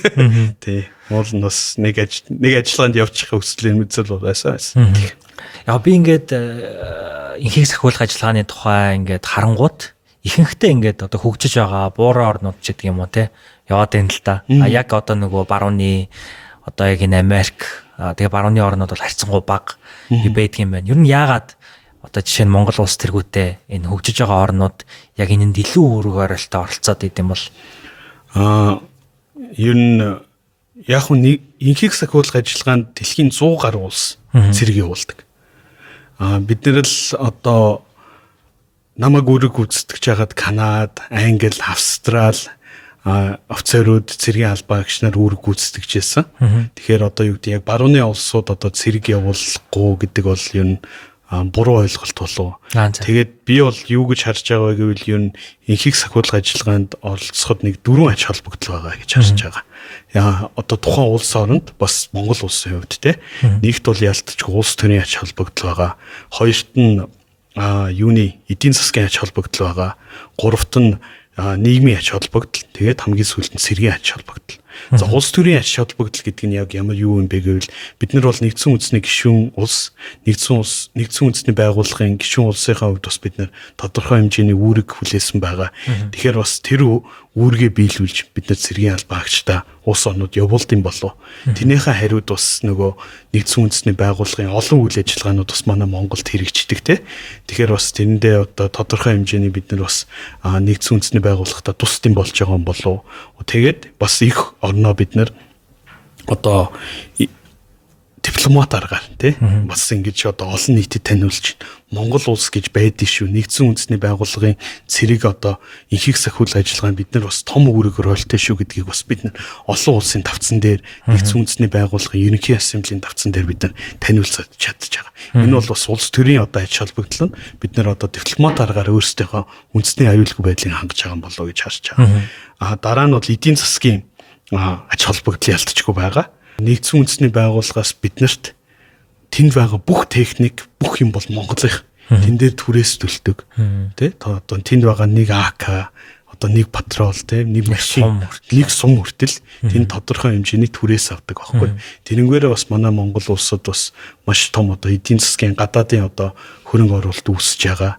Бас мөн нэгдсэн үндэсний байгууллагаас Монгол улсад үзүүлж байгаа тусламж бас нэмэгддэм болоо гэж хардаг тийм Монгол улс цуд болохоор хамгийн түрүүнд л нэгдсэн үндэсний байгууллага одоо тусламжийн гараа өгдөж өгдөг те тэгэхээр бас тэр тодорхой хэмжээний эдийн засгийн ач холбогдол байгаа. Тэгээд хамгийн гуравт бол нийгмийн ач холбогдол гэдэг бол зэвсэг төвчний маань бас Монголын зэвсэг төвчин бол инхийг сахиулах ажиллагаанд оролцохоос өмнө яг социализмын одоо тогтолцоотойгоо үлдсэн.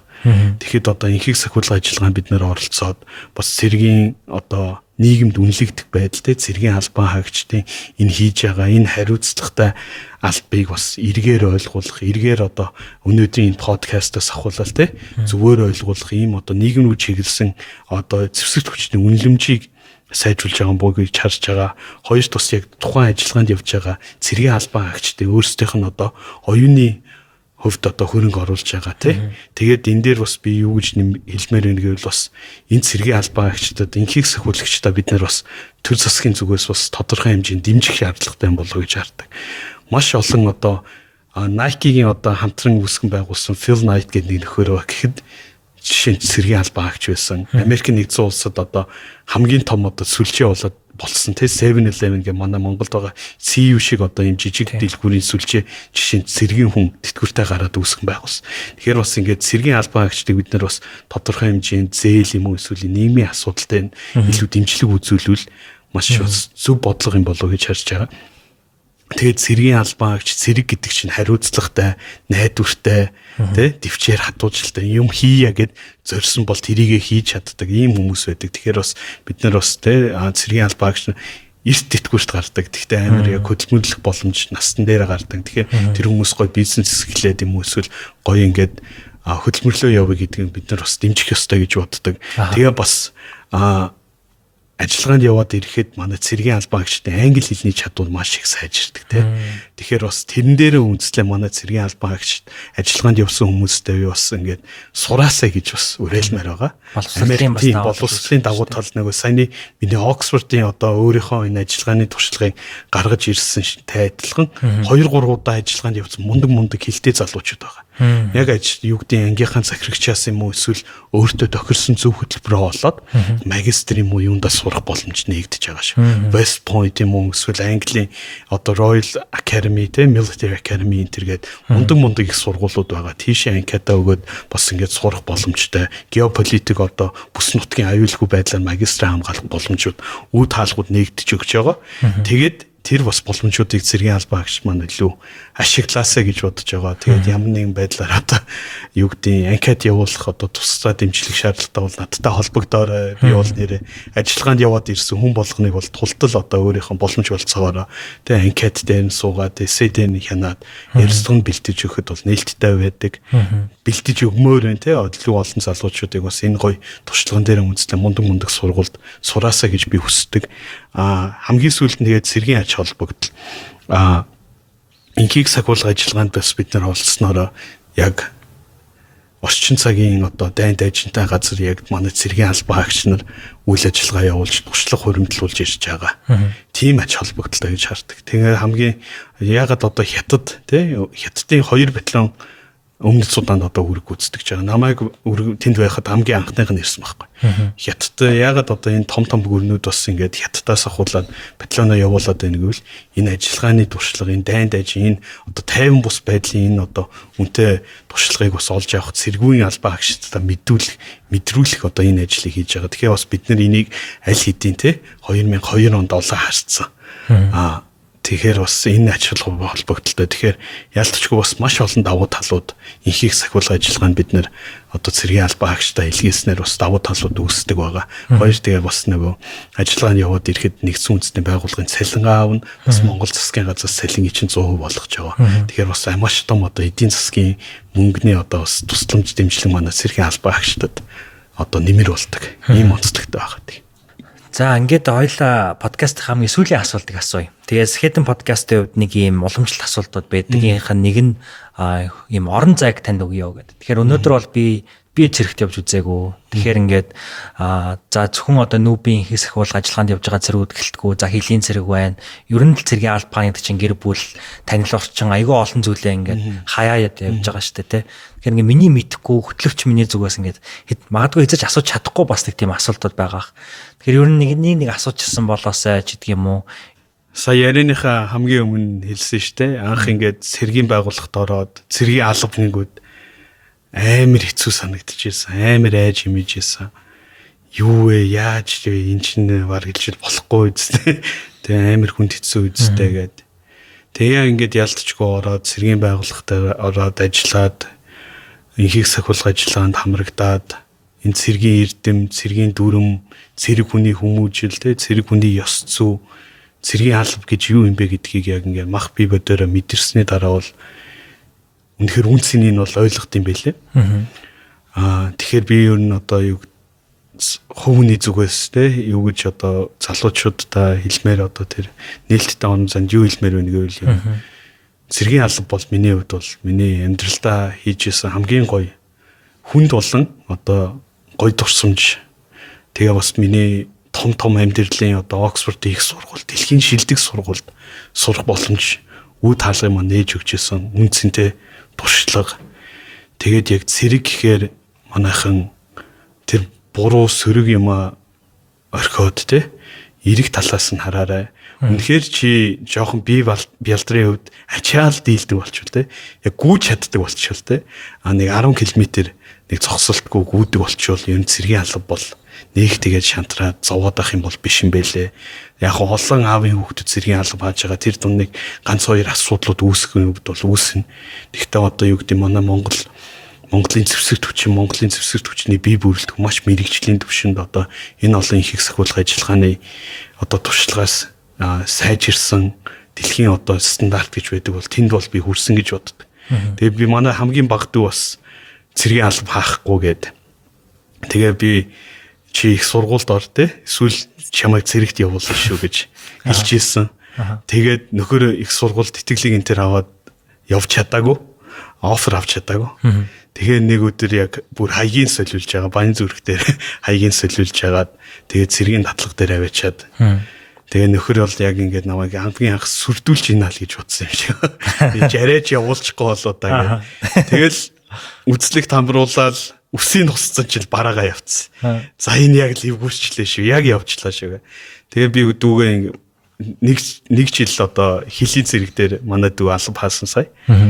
Тэгэхээр бас тэгээ одоо тэрнийхээ үр дүнд амар гоё хариуцлагатай бас их оронч сэтгэлтэй мундаг залуу болчлоо. Тэр ч гэсэн бас өөрийнх нь одоо энэ анкет те их сургуулийн анкет одоо person statement дээр амар гоё онцлог болж гарч ирж байгаа байхгүй юу. Би нэг жил халах гол дээр сэргийн алба хаасан гэж хэлж байгаа. Тэгэхээр бас ийм гоё туршлага, ийм гоё боломж сэргийн алба олгодог. Тэгээ яг хуу залуучууд бас хэлтийн те нэг жил би цэрэгт явлаа. Нэг жил би зөндөө олон юм хийх боломжтой байсан шүү дээ. Нэг жил би бизнесээ үүсгээд стартап хийгээд ингээ мөнгө олоо явах боломжтой. Би нэг жилээ алдчихна гэдэг. Тэгтээ бас тэр яг бас яг тэгэл тийм тийм юм хийсэн хүмүүсийн харангуй тэр нэг жилээ яг үнцэнтэй үр бүтээлтэй өнгөрөөж гин үг гэхээр үгүй л. Тэрний он баг нэг жил яг тэр гоё одоо Монгол улсын иргэнийхээ үүргийг хүлээгээд гоё нэг сайхан хамт олонтой болчихно.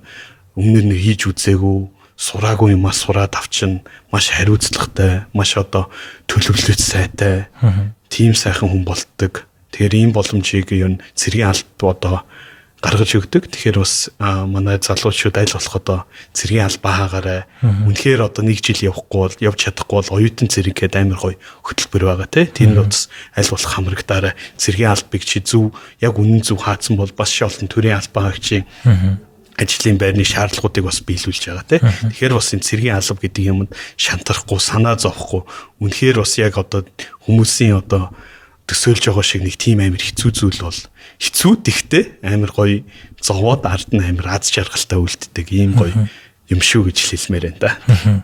За маш их баярлалаа. Өнөөдөр тэгээд ийм түүхэн зүйлээ биднэртэй хуваалцаад бас бидний манай үзэгч нар зориулаад яг энэ бүрэн дүүрэн дөрөн тувцаа өмсөөд те энэ бол одоо яг энийг өөрөө хэллээ штэ яг анх албахах гал очингууд нь зүүж өгдөг зүйл юм байна штэ те одоо яг энэ зүйл бол.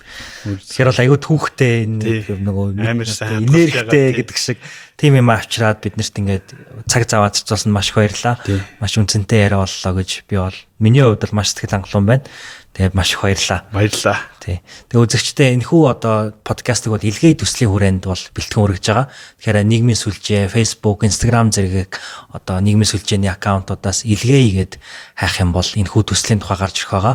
Яг одоогоор өмнөс удаан улсад аль паж байгаа Монголын 850 гаруй зэргүүдэд одоо захиа илгээмжийг хөдөө орон нутаг Улаанбаатар одоо хаанаас чамаагүй илгээх нь боломж нь та бүхэнд байгаа шүү. Ерөөсөө нэг сарын хугацаа одоо яг энэхүү төсөлд үлдээд байгаа, үлдээд байгаа. Тэгэхээр энэхүү төсөл идэвхтэй хамрагдаарай гэж хэлье. Тэгээд бүгдөө баярлаа. Маш их баярлаа. Баярлаа. За баяр та.